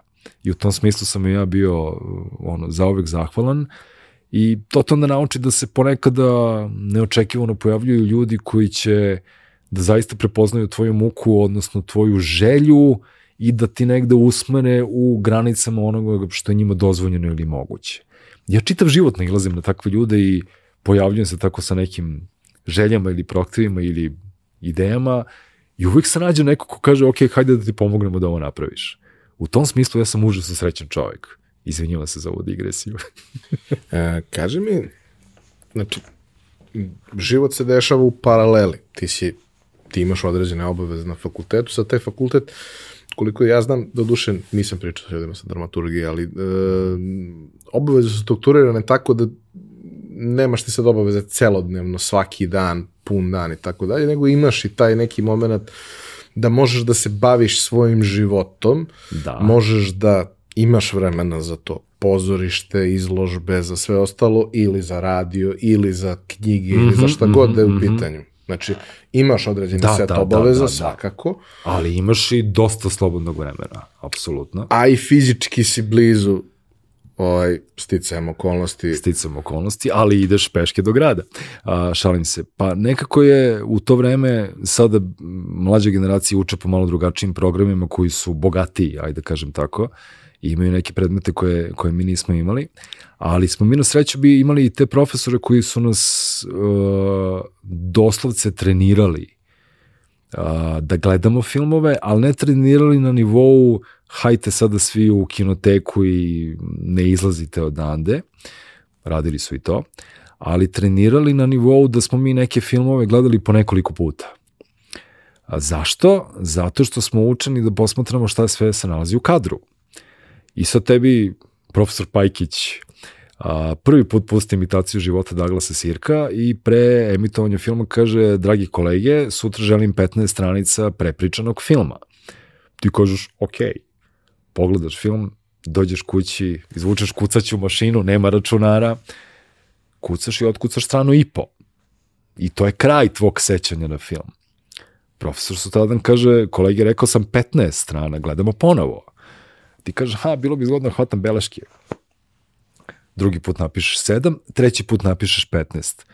U okviru tog veoma kratkog procesa, ti si doživotno pokvaren kao uh, gledalac filma, zato što se tebi prosto postane ti deo mentalnog DNK da ti dok gledaš film, tvoje oči zapravo sve vreme tragaju po ivicama kadra, gledaš gde se nalaze skriveni simboli u drugom i trećem planu, da li se unšarfu nazire krst ili se nazire nešto drugo, doživotno te pokvare, ali te s druge strane nauče zanatu koji je jako bitan, jer je jedna od važnih propovedi koje smo mi učili na dramaturgiji da ukoliko je autor ozbiljan ima ozbiljne namere, mi kao gledaoci to možemo da shvatimo ili prepoznamo u prvih 10 minuta filma i da nakon toga možda nema razloga da ga gledamo zato što autor nema ozbiljne namere i nije promislio o onome šta radi.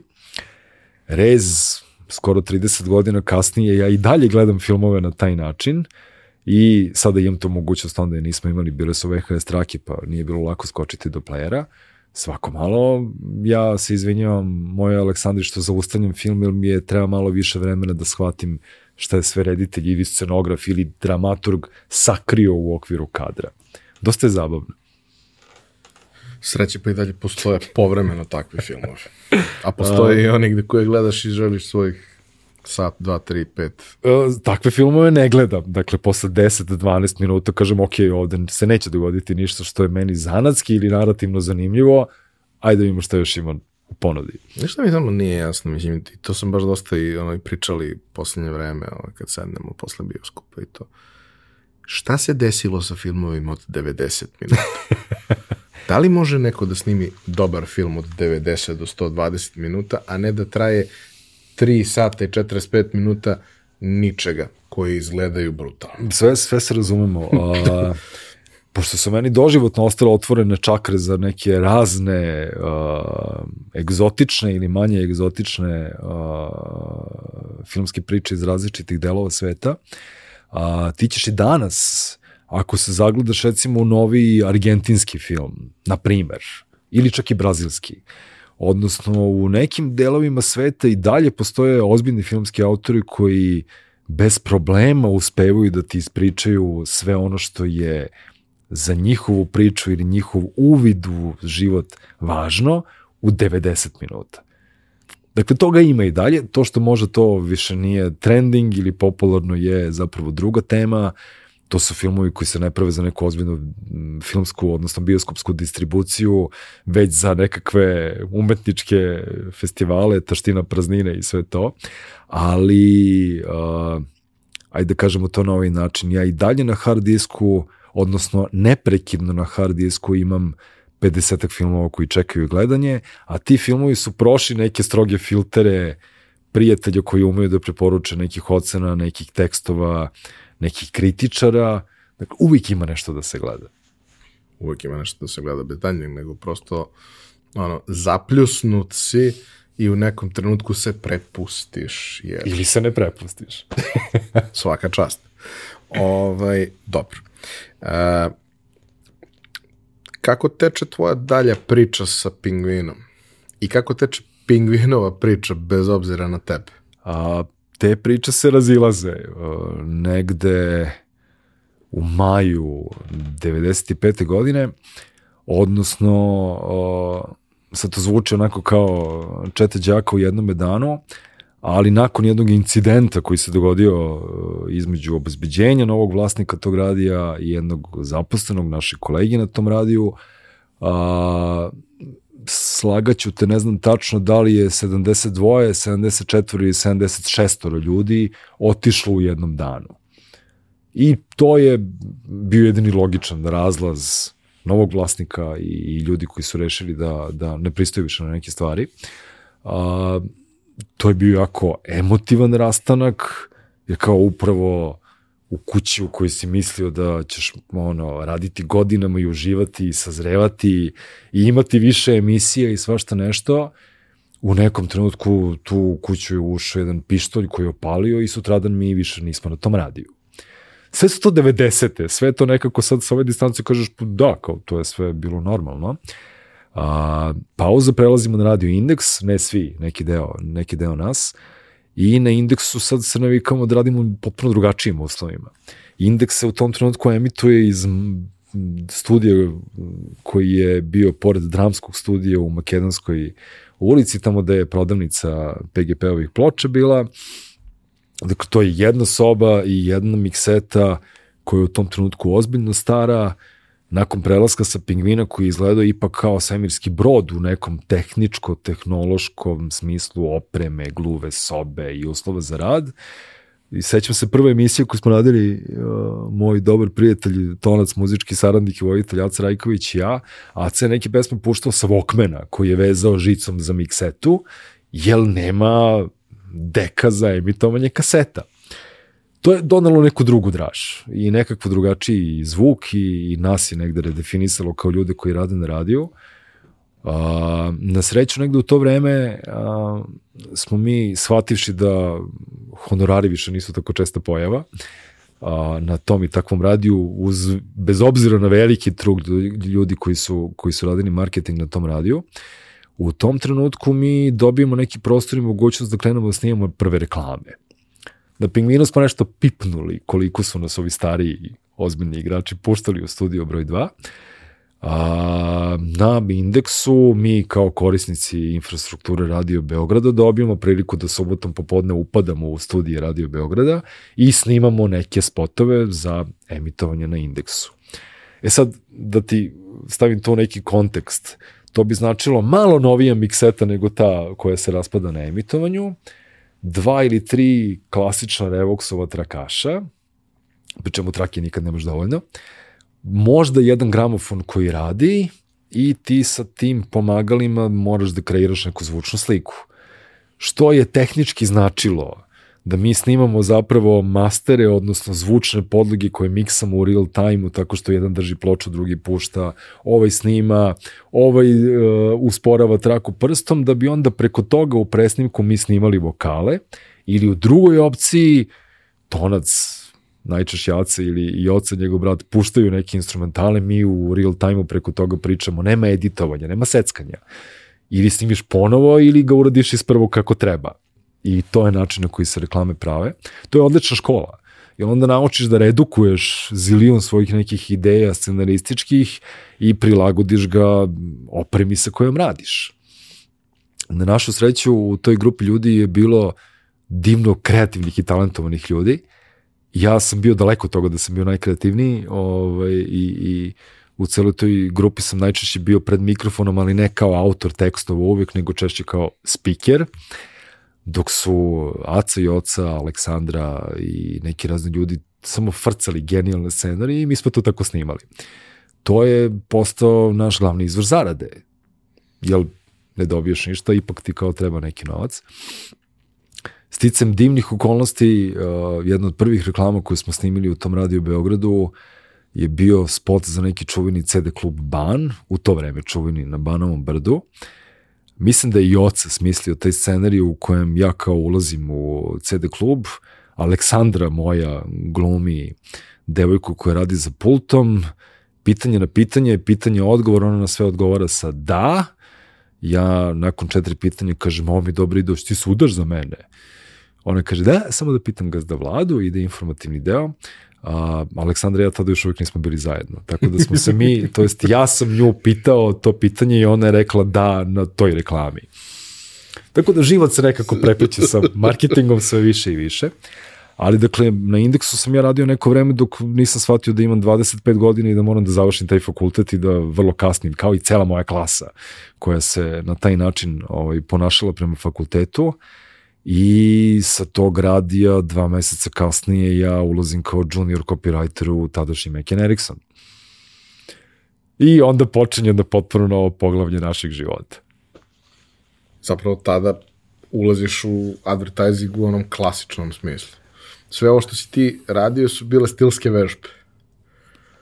Stilske vežbe, ali koje te pripreme za to kako razmišljaš kako možeš da uradiš, kako da saopštiš, kako da oblikuješ neki slogan, kako da napišeš neki kopi.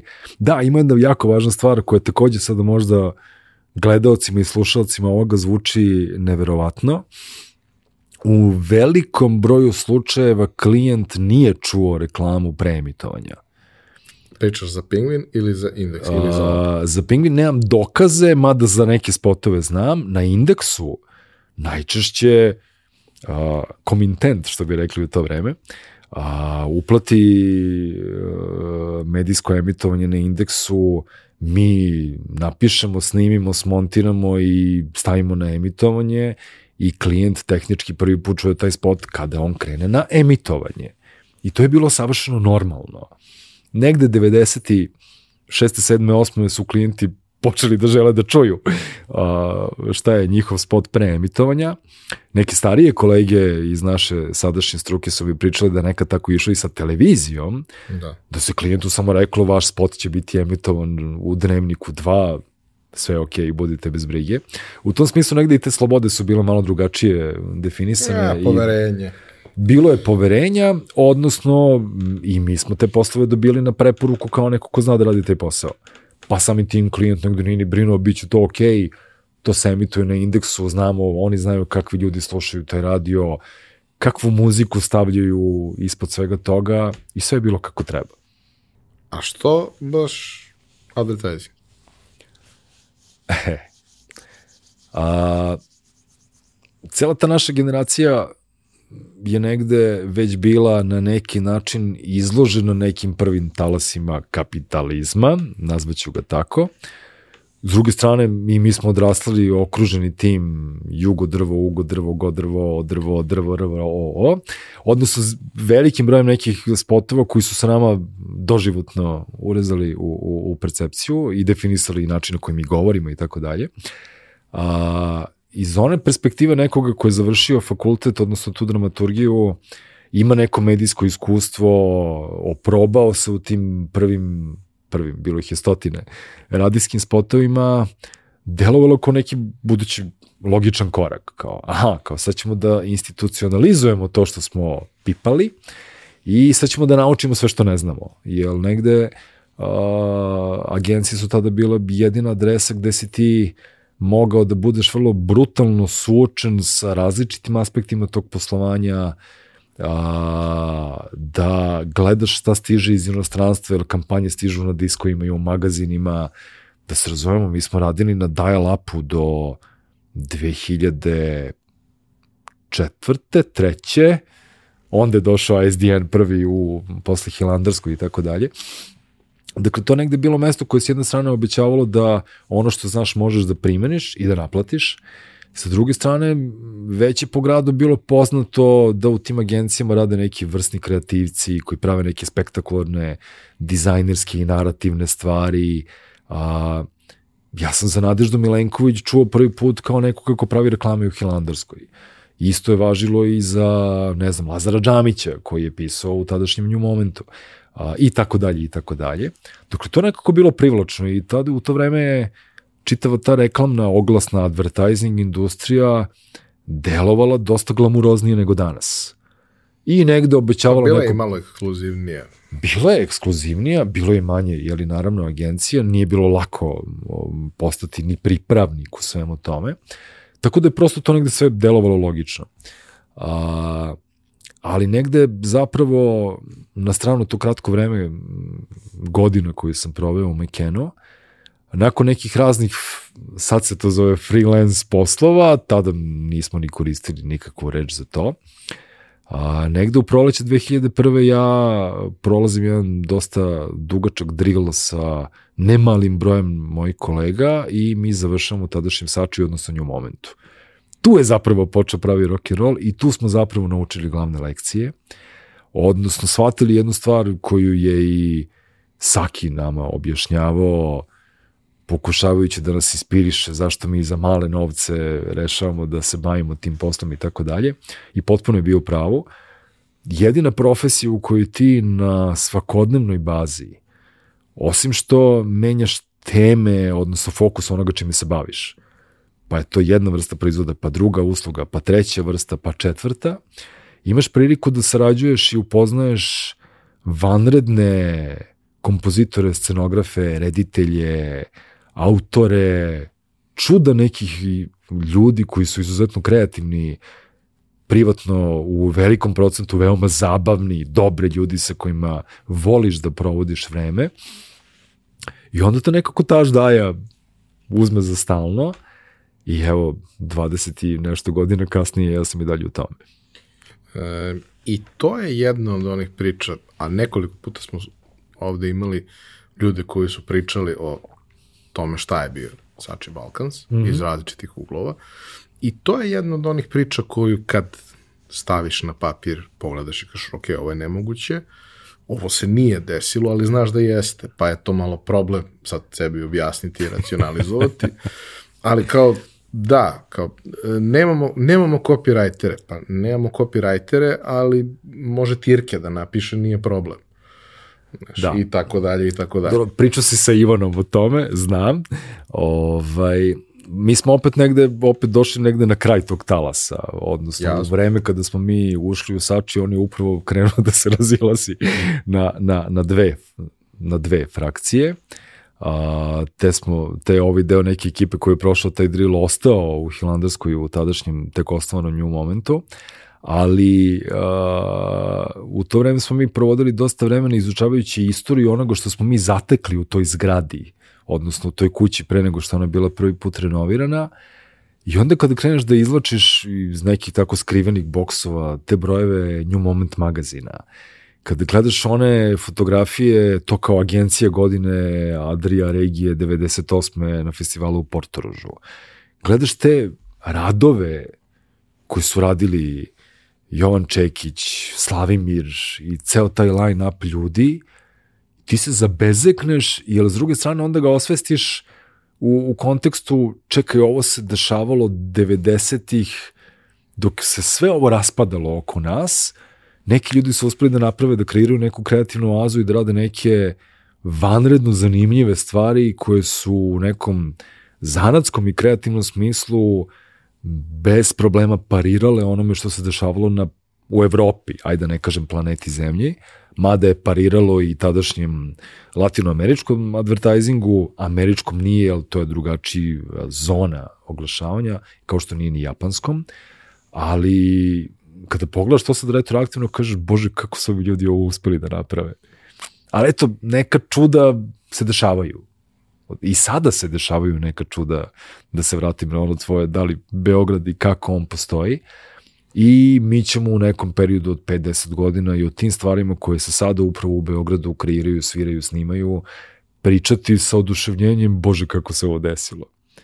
To je proces. E, ima tu taj jedan moment, nedavno je ovaj, Goran Jankulovski imao u podcastu jednu zanimljivu temu koja se odnosi na brendiranje Srbije i sad to je naravno... Aha, Branka mu je bila u gostima, vidio vrlo sam. Vrlo kompleksna Aha. stvar i sve, ali jeste taj moment to kao naš brend je snalaženje i snalaženje je ok, mm -hmm, nije mm -hmm. dobro baš kao dugoročni modus operandi, ali je mnogo dobro kao privremeno ovaj, iznalaženje rešenja u nekoj situaciji. Uh, ali to je ono što ti tačno znaš sa distance, ti tačno znaš šta je bilo snalaženje, a šta je jednostavno bilo neverovatno dobro.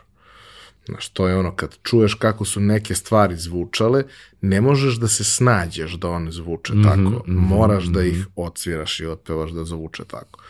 Kada vidiš kako su neke stvari izgledale produkcijski, ne možeš da isfejkuješ tu, taj kvalitet štampe. Znači, to Sve prosto mora da se uradi i da. to je ono, u tom trenutku, danas možda više to i nije stavka, ali u tom trenutku razlika između nečega što je fantastično mm -hmm, štampano mm -hmm, i mhm. nečega što nije, košta. Da, ne košta da, malo, košta da, mnogo. Da, da, da, da, da. I ti, ono, tačno znaš zašto su neke stvari izgledale brutalno, zašto su neke izgledale manje dobro. I taj moment o kome ti pričaš, koji ja se slažem sa tim apsolutno, posebno što uh, se tada nije formirao ceo taj jedan novi deo esnafa koji se bavi mm -hmm. produkcijom u advertisingu. Ne, ne, ljudi ne, ne, koji su se bavili produkcijom su ljudi koji su snimali filmove. Samo nije bilo fara za filmove, pa su, pa su snimali ono što je imalo da Jeste. se snima, a onda ako već samo to ima, daj da ga napravimo da bude spektakularno. Jasno, jasno. Mislim, sad ću malo možda da uplivam i, i u muziku kao temu. Ali ti sad, kad sad ove distance gledaš ne samo te reklame, nego kad gledaš i uh, spotove koji su namenski rađeni za neke pesme 80-ih.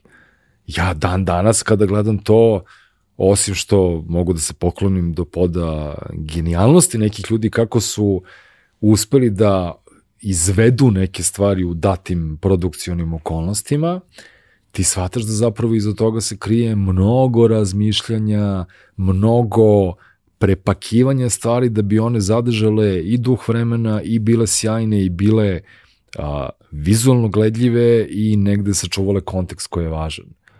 I u tom smislu možda je zato što je bilo manje stvari koje se radilo.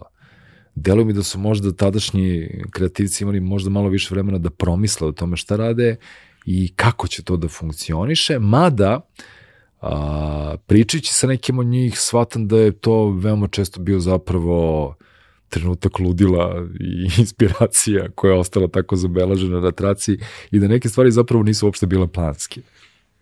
Apsolutno sam siguran, ali verujem da postoji taj moment kod vanredno kvalitetnih ljudi, taj osjećaj auto odgovornosti prema prilici koju dobiješ. Znači, to što si ti lud, to je u redu, ali ti možeš da budeš lud i da uradiš nešto što je poluproizvod, da možeš da budeš lud i da uradiš nešto što je genijalno. Apsolutno da. Iz razloga što nemaš priliku da radiš mnogo, svaku priliku koju dobiješ ćeš iskoristiti da makar i kroz to svoje ludilo napraviš nešto za šta misliš da će... Mm -hmm, mm -hmm. Mislim, ako ne ni zbog koga drugog, a ono zbog sebe, Upravo, jer imaš potrebu, zato se time i baviš. Upravo, e, na tu temu, e, malo sad delimo preporuke, ali recimo kada se pogleda čitav serijal e, Put u budućnost Borisa Miljkovića Bote, sadašnjeg kreativnog direktora RTS-a, I kad ti pogledaš kakve su stvari ljudi pravili u tadašnjoj Jugoslaviji od 45. do 80-ih i kako su u tom smislu bili odgovorni prema svom poslu i onome što uh, a, bi trebalo da bude umetnički predmet ili videoklip ili pesma ili slika, to je neki drugačiji svet koji u tom smislu si u pravu verovatno više ne postoji ili nema tu vrstu podrške sistema koja je takvim stvarima neophodna da bi ona postojala. Zahvaljujući ovaj, Bodroži i Trifonu sam ja u par navrata imao prilike da vidim te neke njihove kolekcije, fotke, makar ako ne i same izložbe, a, reklama, mm -hmm. a, reklama iz magazina, iz časopisa, iz 60-ih, 70-ih, okay, 80-ih okay. godina, koje su se odnosile na razna javna preduzeća, JAT i sve ostalo. I ti kada to vidiš,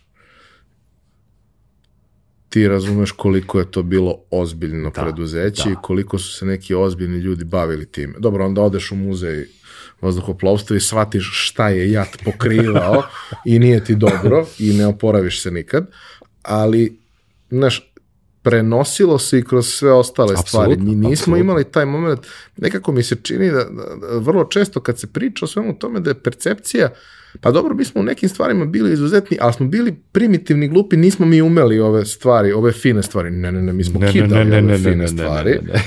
Znaš, kao kaveri uh, tih long play ploča upravo, su izgledali upravo, upravo. nadrealno i za mnoge stvari koje nisu bile mainstream, za one koje su bile mainstream su izgledale onako kako treba da izgledaju mainstream stvari. Apsolutno. Jer je neko i tada imao svest o tome da ne možeš da staviš nešto čudno ako hoćeš da ga kupi 100.000 ljudi.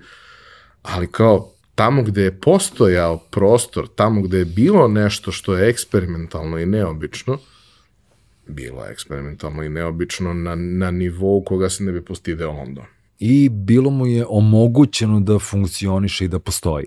I tu je negde možda ta glavna razlika između o, tog vremena ili tog društva ili te države, kako god sad to imenovali, i onoga danas, jer kada kreneš da se baviš negde istorijom i pop kulture i, i reklama i a, javnih događaja, čega god, ti prosto negde vidiš neku razliku u ozbiljnosti pristupa onome što se pravi i vidiš to da uh, ipak pričamo o nekom vremenu kada nije sve bilo pravljeno da bi bilo komercijalno, već je bilo važno da postoji.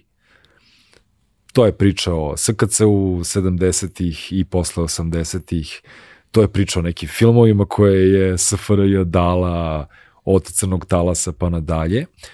A, I u tom smislu i neću više da pričamo o Jugoslaviji, to su neke stvari koje mi nedostaju to mogu savršeno da razumem. A, rekao si kuda te odveo profesionalni put, ali nisi rekao šta se za to vreme dešavalo sa muzikom. Muzika je sve vreme svirala. A, ne, bez, bez šale. A, naročito negde od, od tog trenutka kada sam prošao tu prvu radijsku fazu, jer ona se posle vratila posle dosta godina u nekom drugom formatu, a, mene je već bilo potpuno jasno da sam ja osoba koja će a, ili ulagati besmisleno mnogo vremena u bavljenje muzikom, njeno mapiranje, presnimavanje i kupovanje kada ima novca, šta god imalo veze sa, sa muzikom kao takvom. A, odnosno da a, sam ja već toliko sreće dobio od, od tog praćenja i slušanja muzike i odlazaka na koncerte i a, mapiranja te muzike, povezivanja stvari, da to jedna djavolja rabota koja će trajati zaovek i evo traje, traje i dan danas. A, tako da negde, ok, više nisam bio na radiju, a, nije bilo tehničkih mogućnosti da ja na bilo koji način ponovo na taj način delim muziku sa ljudima. Meni je to deljenje muzike na radiju bilo najzabavnija stvar. Ne zbog toga što će neko okrenuti broj telefona radi i pitati šta je ovo što svira, to se naravno dešava na redovnoj bazi, ali negde kad te jednom ta čuma od želje da miksuješ pesme, da ih uklapaš, da ih deliš sa drugima, da pričaš o tim pesmama, to kad ti se desi, ti si gotov. Onda sam to prebacio na blog, jer je blog bio jedini meni dostupan forma da ja mogu da nastavim da, da se bavim time na neki drugačiji način. Sa druge strane, blog je bio super zgodan da ne zaboravim da pišem. Jer rad u, u, u advertisingu, odnosno pravljenje reklama, te uči da ti redukuješ stvari i da se trudiš da u što manjem prostoru odigraš kao majstor na petoparcu, a to čini da ti vremenom zaboraviš Sve drugo. sve drugo. A, čak i ono vreme kad sam počinjao, o, jedan od profesora me pitao, vi radite u agenciji, pa imate dosta bogat rečnik i dalje.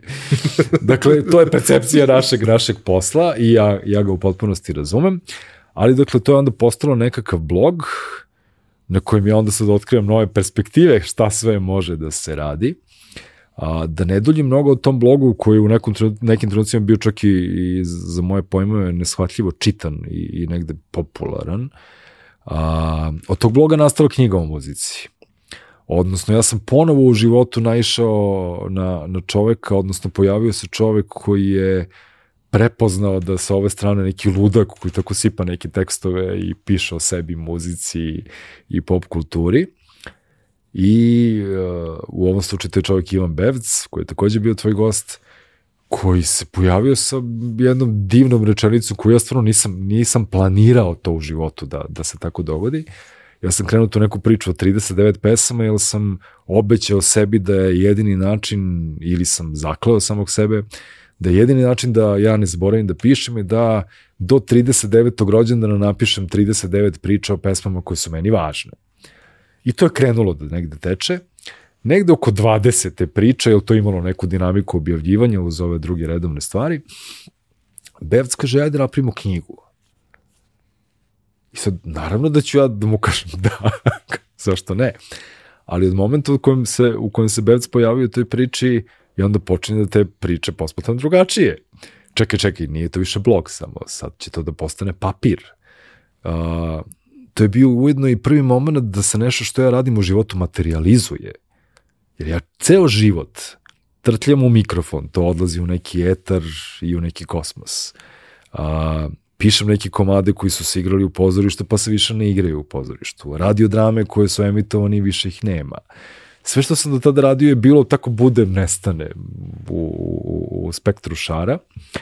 A sad se pojavljuje čovjek koji kaže, e, sad ćemo mi ovo da stavimo na papir a, da, da ne duljim mnogo, taj proces oblikovanja te knjige i pisanja ti priča je s jedne strane bilo najintimnija stvar koju sam rad, uradio u životu, jer ti sa nekim nepoznatim svetom na blogu deliš neke životne epizode, kako ti se raspala domovina, zašto ti je važna pesma Hey od grupe Pixies, a, kako je izgledao, uh, ne znam, ne znam više šta od tih priča, kako je izgledao moj bend i zašto je svirao i kako se raspao. Dakle, neke duboke intimne priče o nekim uspesima i propastima. 2013. to objavljeno, to je negde ujedno i neki pik mog bavljanja blogom i fokusa na sve to. A, na moje prijetno iznenađenje, ta knjiga se rasprodala i više ne možete nigde naći osim na kupindu za neke male pare, neki ljudi preprodaju i dalje. Ali ta knjiga je redefinisala negde i mene kao osobu, ili kada prođeš sve to, kada prvi put otvoriš radni dokument od strašne staše koja radi lekturu tog tvog rukopisa, pa vidiš kako se ono crveni, sve su to stvari koje te jačaju ti muskulaturu. Kažeš, aha, okej, okay, uzgled sa Sašom sam se svađao da li reč pojačalo uopšte postoji ili ne. Imao sam i ja jedan vrlo ozbiljan period e, ovaj, svađe sa da lektorima zna, i da nedavno mi se desilo na, na konferenciji koju smo organizovali da mi priđe jedna simpatična ženica koju ja ne znam, ali prepoznajem od njega, ali je ne znam. Kad, zdravo Ivan, ja sam ona što ti kasapi tekstove. Kao, Pa dobro. Ja Stašu koja je radila o, to sa mojim rečima izuzetno volim i poštujem, ali tako je nekako muzika nastavila da svira. I onda se konačno planeta Zemlja tako reorganizovala i, i dovela do faze da su se pojavili prvi USB mikrofoni, jer u tom nekom prostoru kojem moja draga ja živimo, nema baš mesta da napravim gluvu sobu, niti imam želju da iznajmljujem studiju, da sad to dižem na neki ozbiljan nivo. Uh, pojavljuju se mikrofoni koji meni omogućava da ja te USB mikrofon ubodem u laptop i krenem da pravim ponovo radio program nakon 15 godina pauze. Ta sreća, ti to ne razumeš. Moja, moja draga meni kaže, ti kad vidiš mikrofon, to je kao dete igračku, kao potpuno. Ali da, meni je ostala ta ljubav prema priči o muzici i svemu što negde prati tu muziku. Tako je počeo taj podcast Prešlicavanje, koji uz neku malo labaviju dinamiku postoji i danas. A, manje mi je važno što to ljudi ozbiljno slušaju. To su neki hiljade ljudi u, u zbiru nekom totalnom mnogo veći. A mnogo mi više negde znači i zapravo mi dajete neki drive za, za, za, za bavljanje time što se s vremena vreme neko javi ne samo iz te zone, upravo smo te slušali u Libiji, jer kao klasičan FM radio nije imao taj domet. On nije mogao da se čuje do Sakramenta, Kalifornija, gde se sluša danas i nije mogo se sluša u Japanu i nije mogo se sluša kad hoćeš, nego kad je u programskoj šemi. U tom smislu mi je to negde redefinisalo razumevanje radija kao, kao medije i mogućnosti slanja zvuka od tačke do tačke, a sa druge strane redefinisalo ponovo mene, jer sam sad ja negde morao da se naviknem da više nemam preko puta sebe tonca, a, muzičkog urednika, organizatora, novinara, nego sediš i pričaš zidu i trudiš se da to ima neku dinamiku i da to nekako zvuči kao nekakav radio. Jedini stalni slušalac svih tih mojih podcasta, on postoji već oko oko 7-8 godina, je naša mačka koja je jedina prisustvovala u svim snimanjima i čuje se čak na nekim, na nekim miksevima, ali nekako promeniti tu vizuru i onda kad god se nađem da uživo pričam sa ljudima, ja bih sad mogu samo šest sati da pričam bez problema, ali uh, užasno mi je bilo bitno da taj podcast nastavi da postoji, jer se tu pojavljuje neka muzika, neke priče koje nećeš čuti na FM radiju, odnosno sad sam deo tog malog jata koji čini i Lončarević, odnosno Pop Depresija, i Kepa, i ekipa sa radio aparata, Mm, tamo smo Kepa Lonče je verovatno ono brutalni veterani u odnosu na neke mlade ljude koji sad otkrivaju šta sve radio može da bude, ali dokle god uživam u tome ja ću to da radim. Onom dinamikom koja možeš. Dinamikom koja mi prija. Jer nekada prosto čak nisi u zoni da želim da sad radim ništa novo. Imali smo neku kratku fazu kada je sam novac koji je od pretplatnika išao ka prešlicavanju uh, a, kao podcastu preusmeravan za neke dobre stvari, pa sam onda sa slušalcima delio tu informaciju zahvaljujući vama i muzici. U Beogradu je zasađeno toliko i toliko stabala ili otišao je neki kontingent hrane, odnosno novca ka azilu za konje Staro Brdo, jer ja to ne radim da bih ja zaradio novac, nego, ok, postoji mogućnost da se akumuliraju neki novci od tog programa, ajde da vidimo kome to da preusmerimo. U tom smislu sam još srećniji, pošto na banjici ima nekih desetak stabala koji su iz, zasađeni zahvaljujući organizaciji Šuma Peva, ali zapravo i zahvaljujući ljudima koji su bili subscriberi prešlicavanja. Od momenta od kad sam se ulenio, ukinuo sam subscribe, ili nije okej okay uzimati ljudima novce, a ne radiš redovno u onom smislu na koji si ih navikao. Mislim da to prosto pošteno. Ovo će definitivno da bude razgovor iz više delova, to je sad već evidentno. Okay. Ne kažem da ćeš da budeš kao Srđan Erceg, jer ti nemaš te ovaj, epifanije u toku uh, Aha. govorenja o stvarima koje su se dešavale, jer Srđan tako se 30 godina kasnije shvati šta se desilo pre 30 godina dok to opisuje. To je lepota komunikacije i konverzacije. Ali definitivno ćemo pričati uh, u još nekoliko navrata sigurno o ovome svemu, jer smo tek suštinski zagrebali, Ali ono što za kraj ovog dela hoću da te pitam, jer mislim da je jako važno, uh, ne želim da zvuči pogrešno, a ne, ti ćeš to razumeti ok, a i ovi jadni ljudi koji me slušaju će sigurno razumeti, oni su već počeli da hvataju te stvari, ali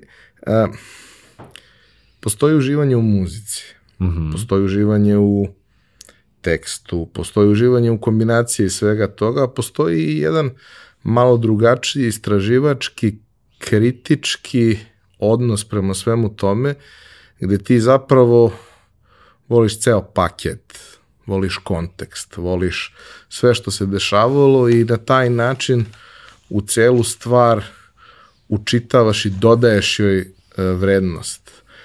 Ali ne tako što je izmišljaš, nego tako mm -hmm. samo što rasvetliš šta se sve tu dešava. Jer pesma kao pesma ili album kao album mogu da budu fantastični i sami za sebe. Apsolutno da. I za veliku većinu ljudi oni jesu samo to i ništa više, jer niti vremena, niti volja, niti bilo čega.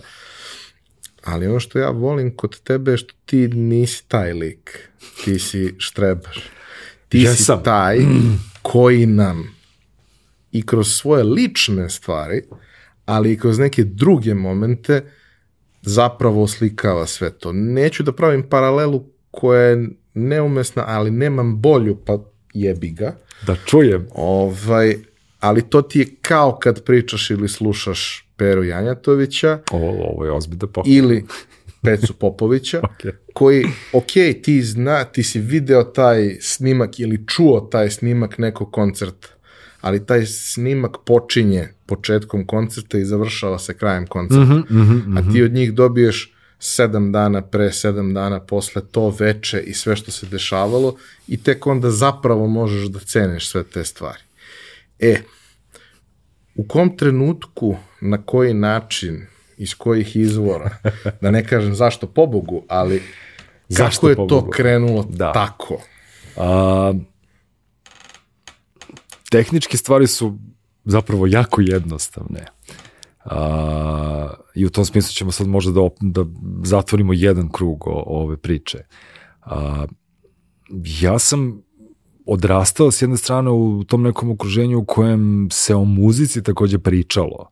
Sticam okolnosti, oko mene su bili sve neki klasičari, članovi tadašnje filharmonije, renesansa, a, ljuti voditelji sa Radio Beograda 2 koji su objašnjavali kontekst Mozartovih dela i tako dalje.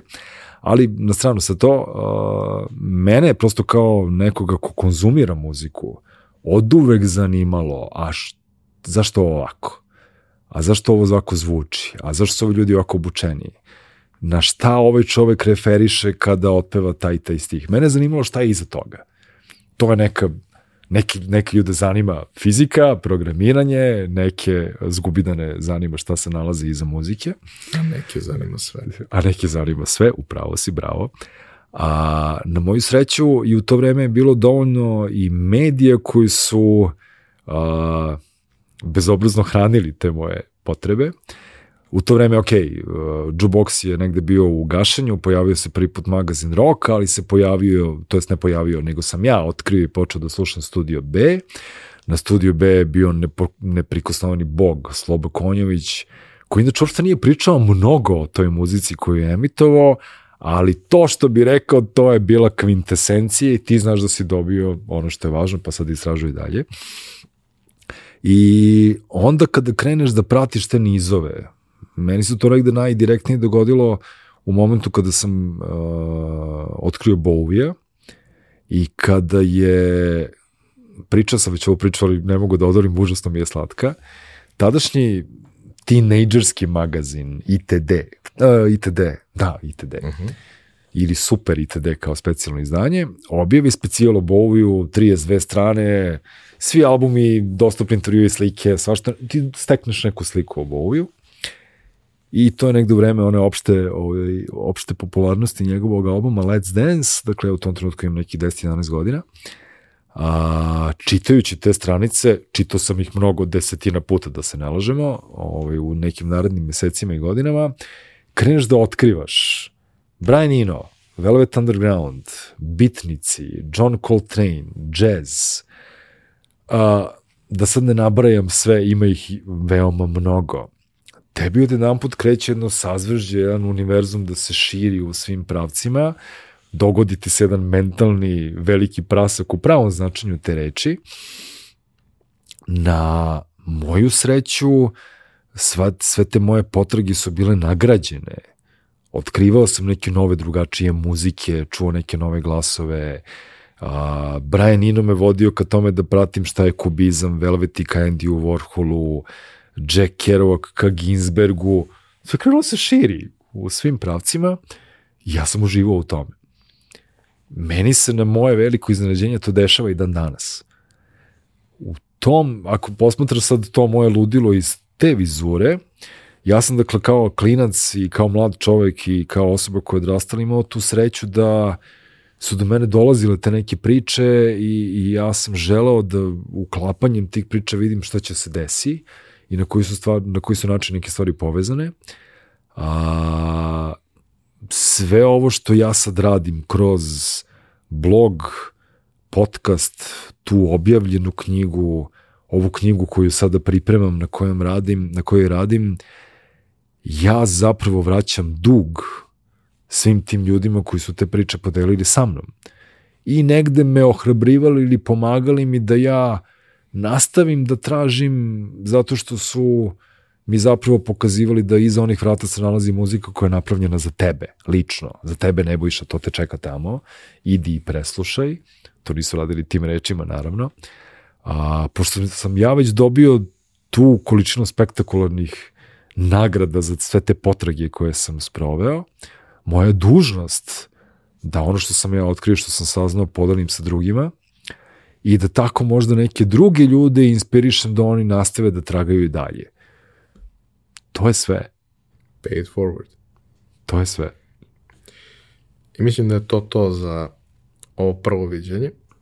Um, jedva čekam da nastavimo sve ovo. Sad i ja. bilo formalno, bilo neformalno. Nismo pričali o tvom poslu, iako smo pričali o tvom poslu. To je tačno. Nismo pričali o trenutno najtežem projektu i najslađem projektu na kojem radim, ali smo ga nekako provukli kroz priču. Pričat ćemo detaljno o tome, zato što mislim da u okvirima onoga što, što ti budeš hteo, zato što mislim da su to neke stvari koje prevazilaze i nadilaze i ovo vreme i nas dvojicu. Apsolutno se slažem. I ovaj grad i svašta nešto. Ali su za te ljude i taj grad. Da se vratimo na početak i priču o tome kakav je ovo grad i ko su ti ljudi. A ovaj grad je nekad bacao svetlo daleko. I nastavit će. Hvala ti što si bio. Takođe. Hvala vama što ste nas slušali. Bilo ovo jedno dosta drugačije izdanje pojačalo nego ovo do sada, ali mislim da je okej okay da nešto što se zove pojačalo jednom pričaju o muzici. Evo, bit će drugog puta. Hvala vam. Komentare, sugestije, predloge, za to iskoristite mesta na YouTube-u. To bi bilo to za ovu nedelju. Mi se vidimo i čujemo ponovo naredne.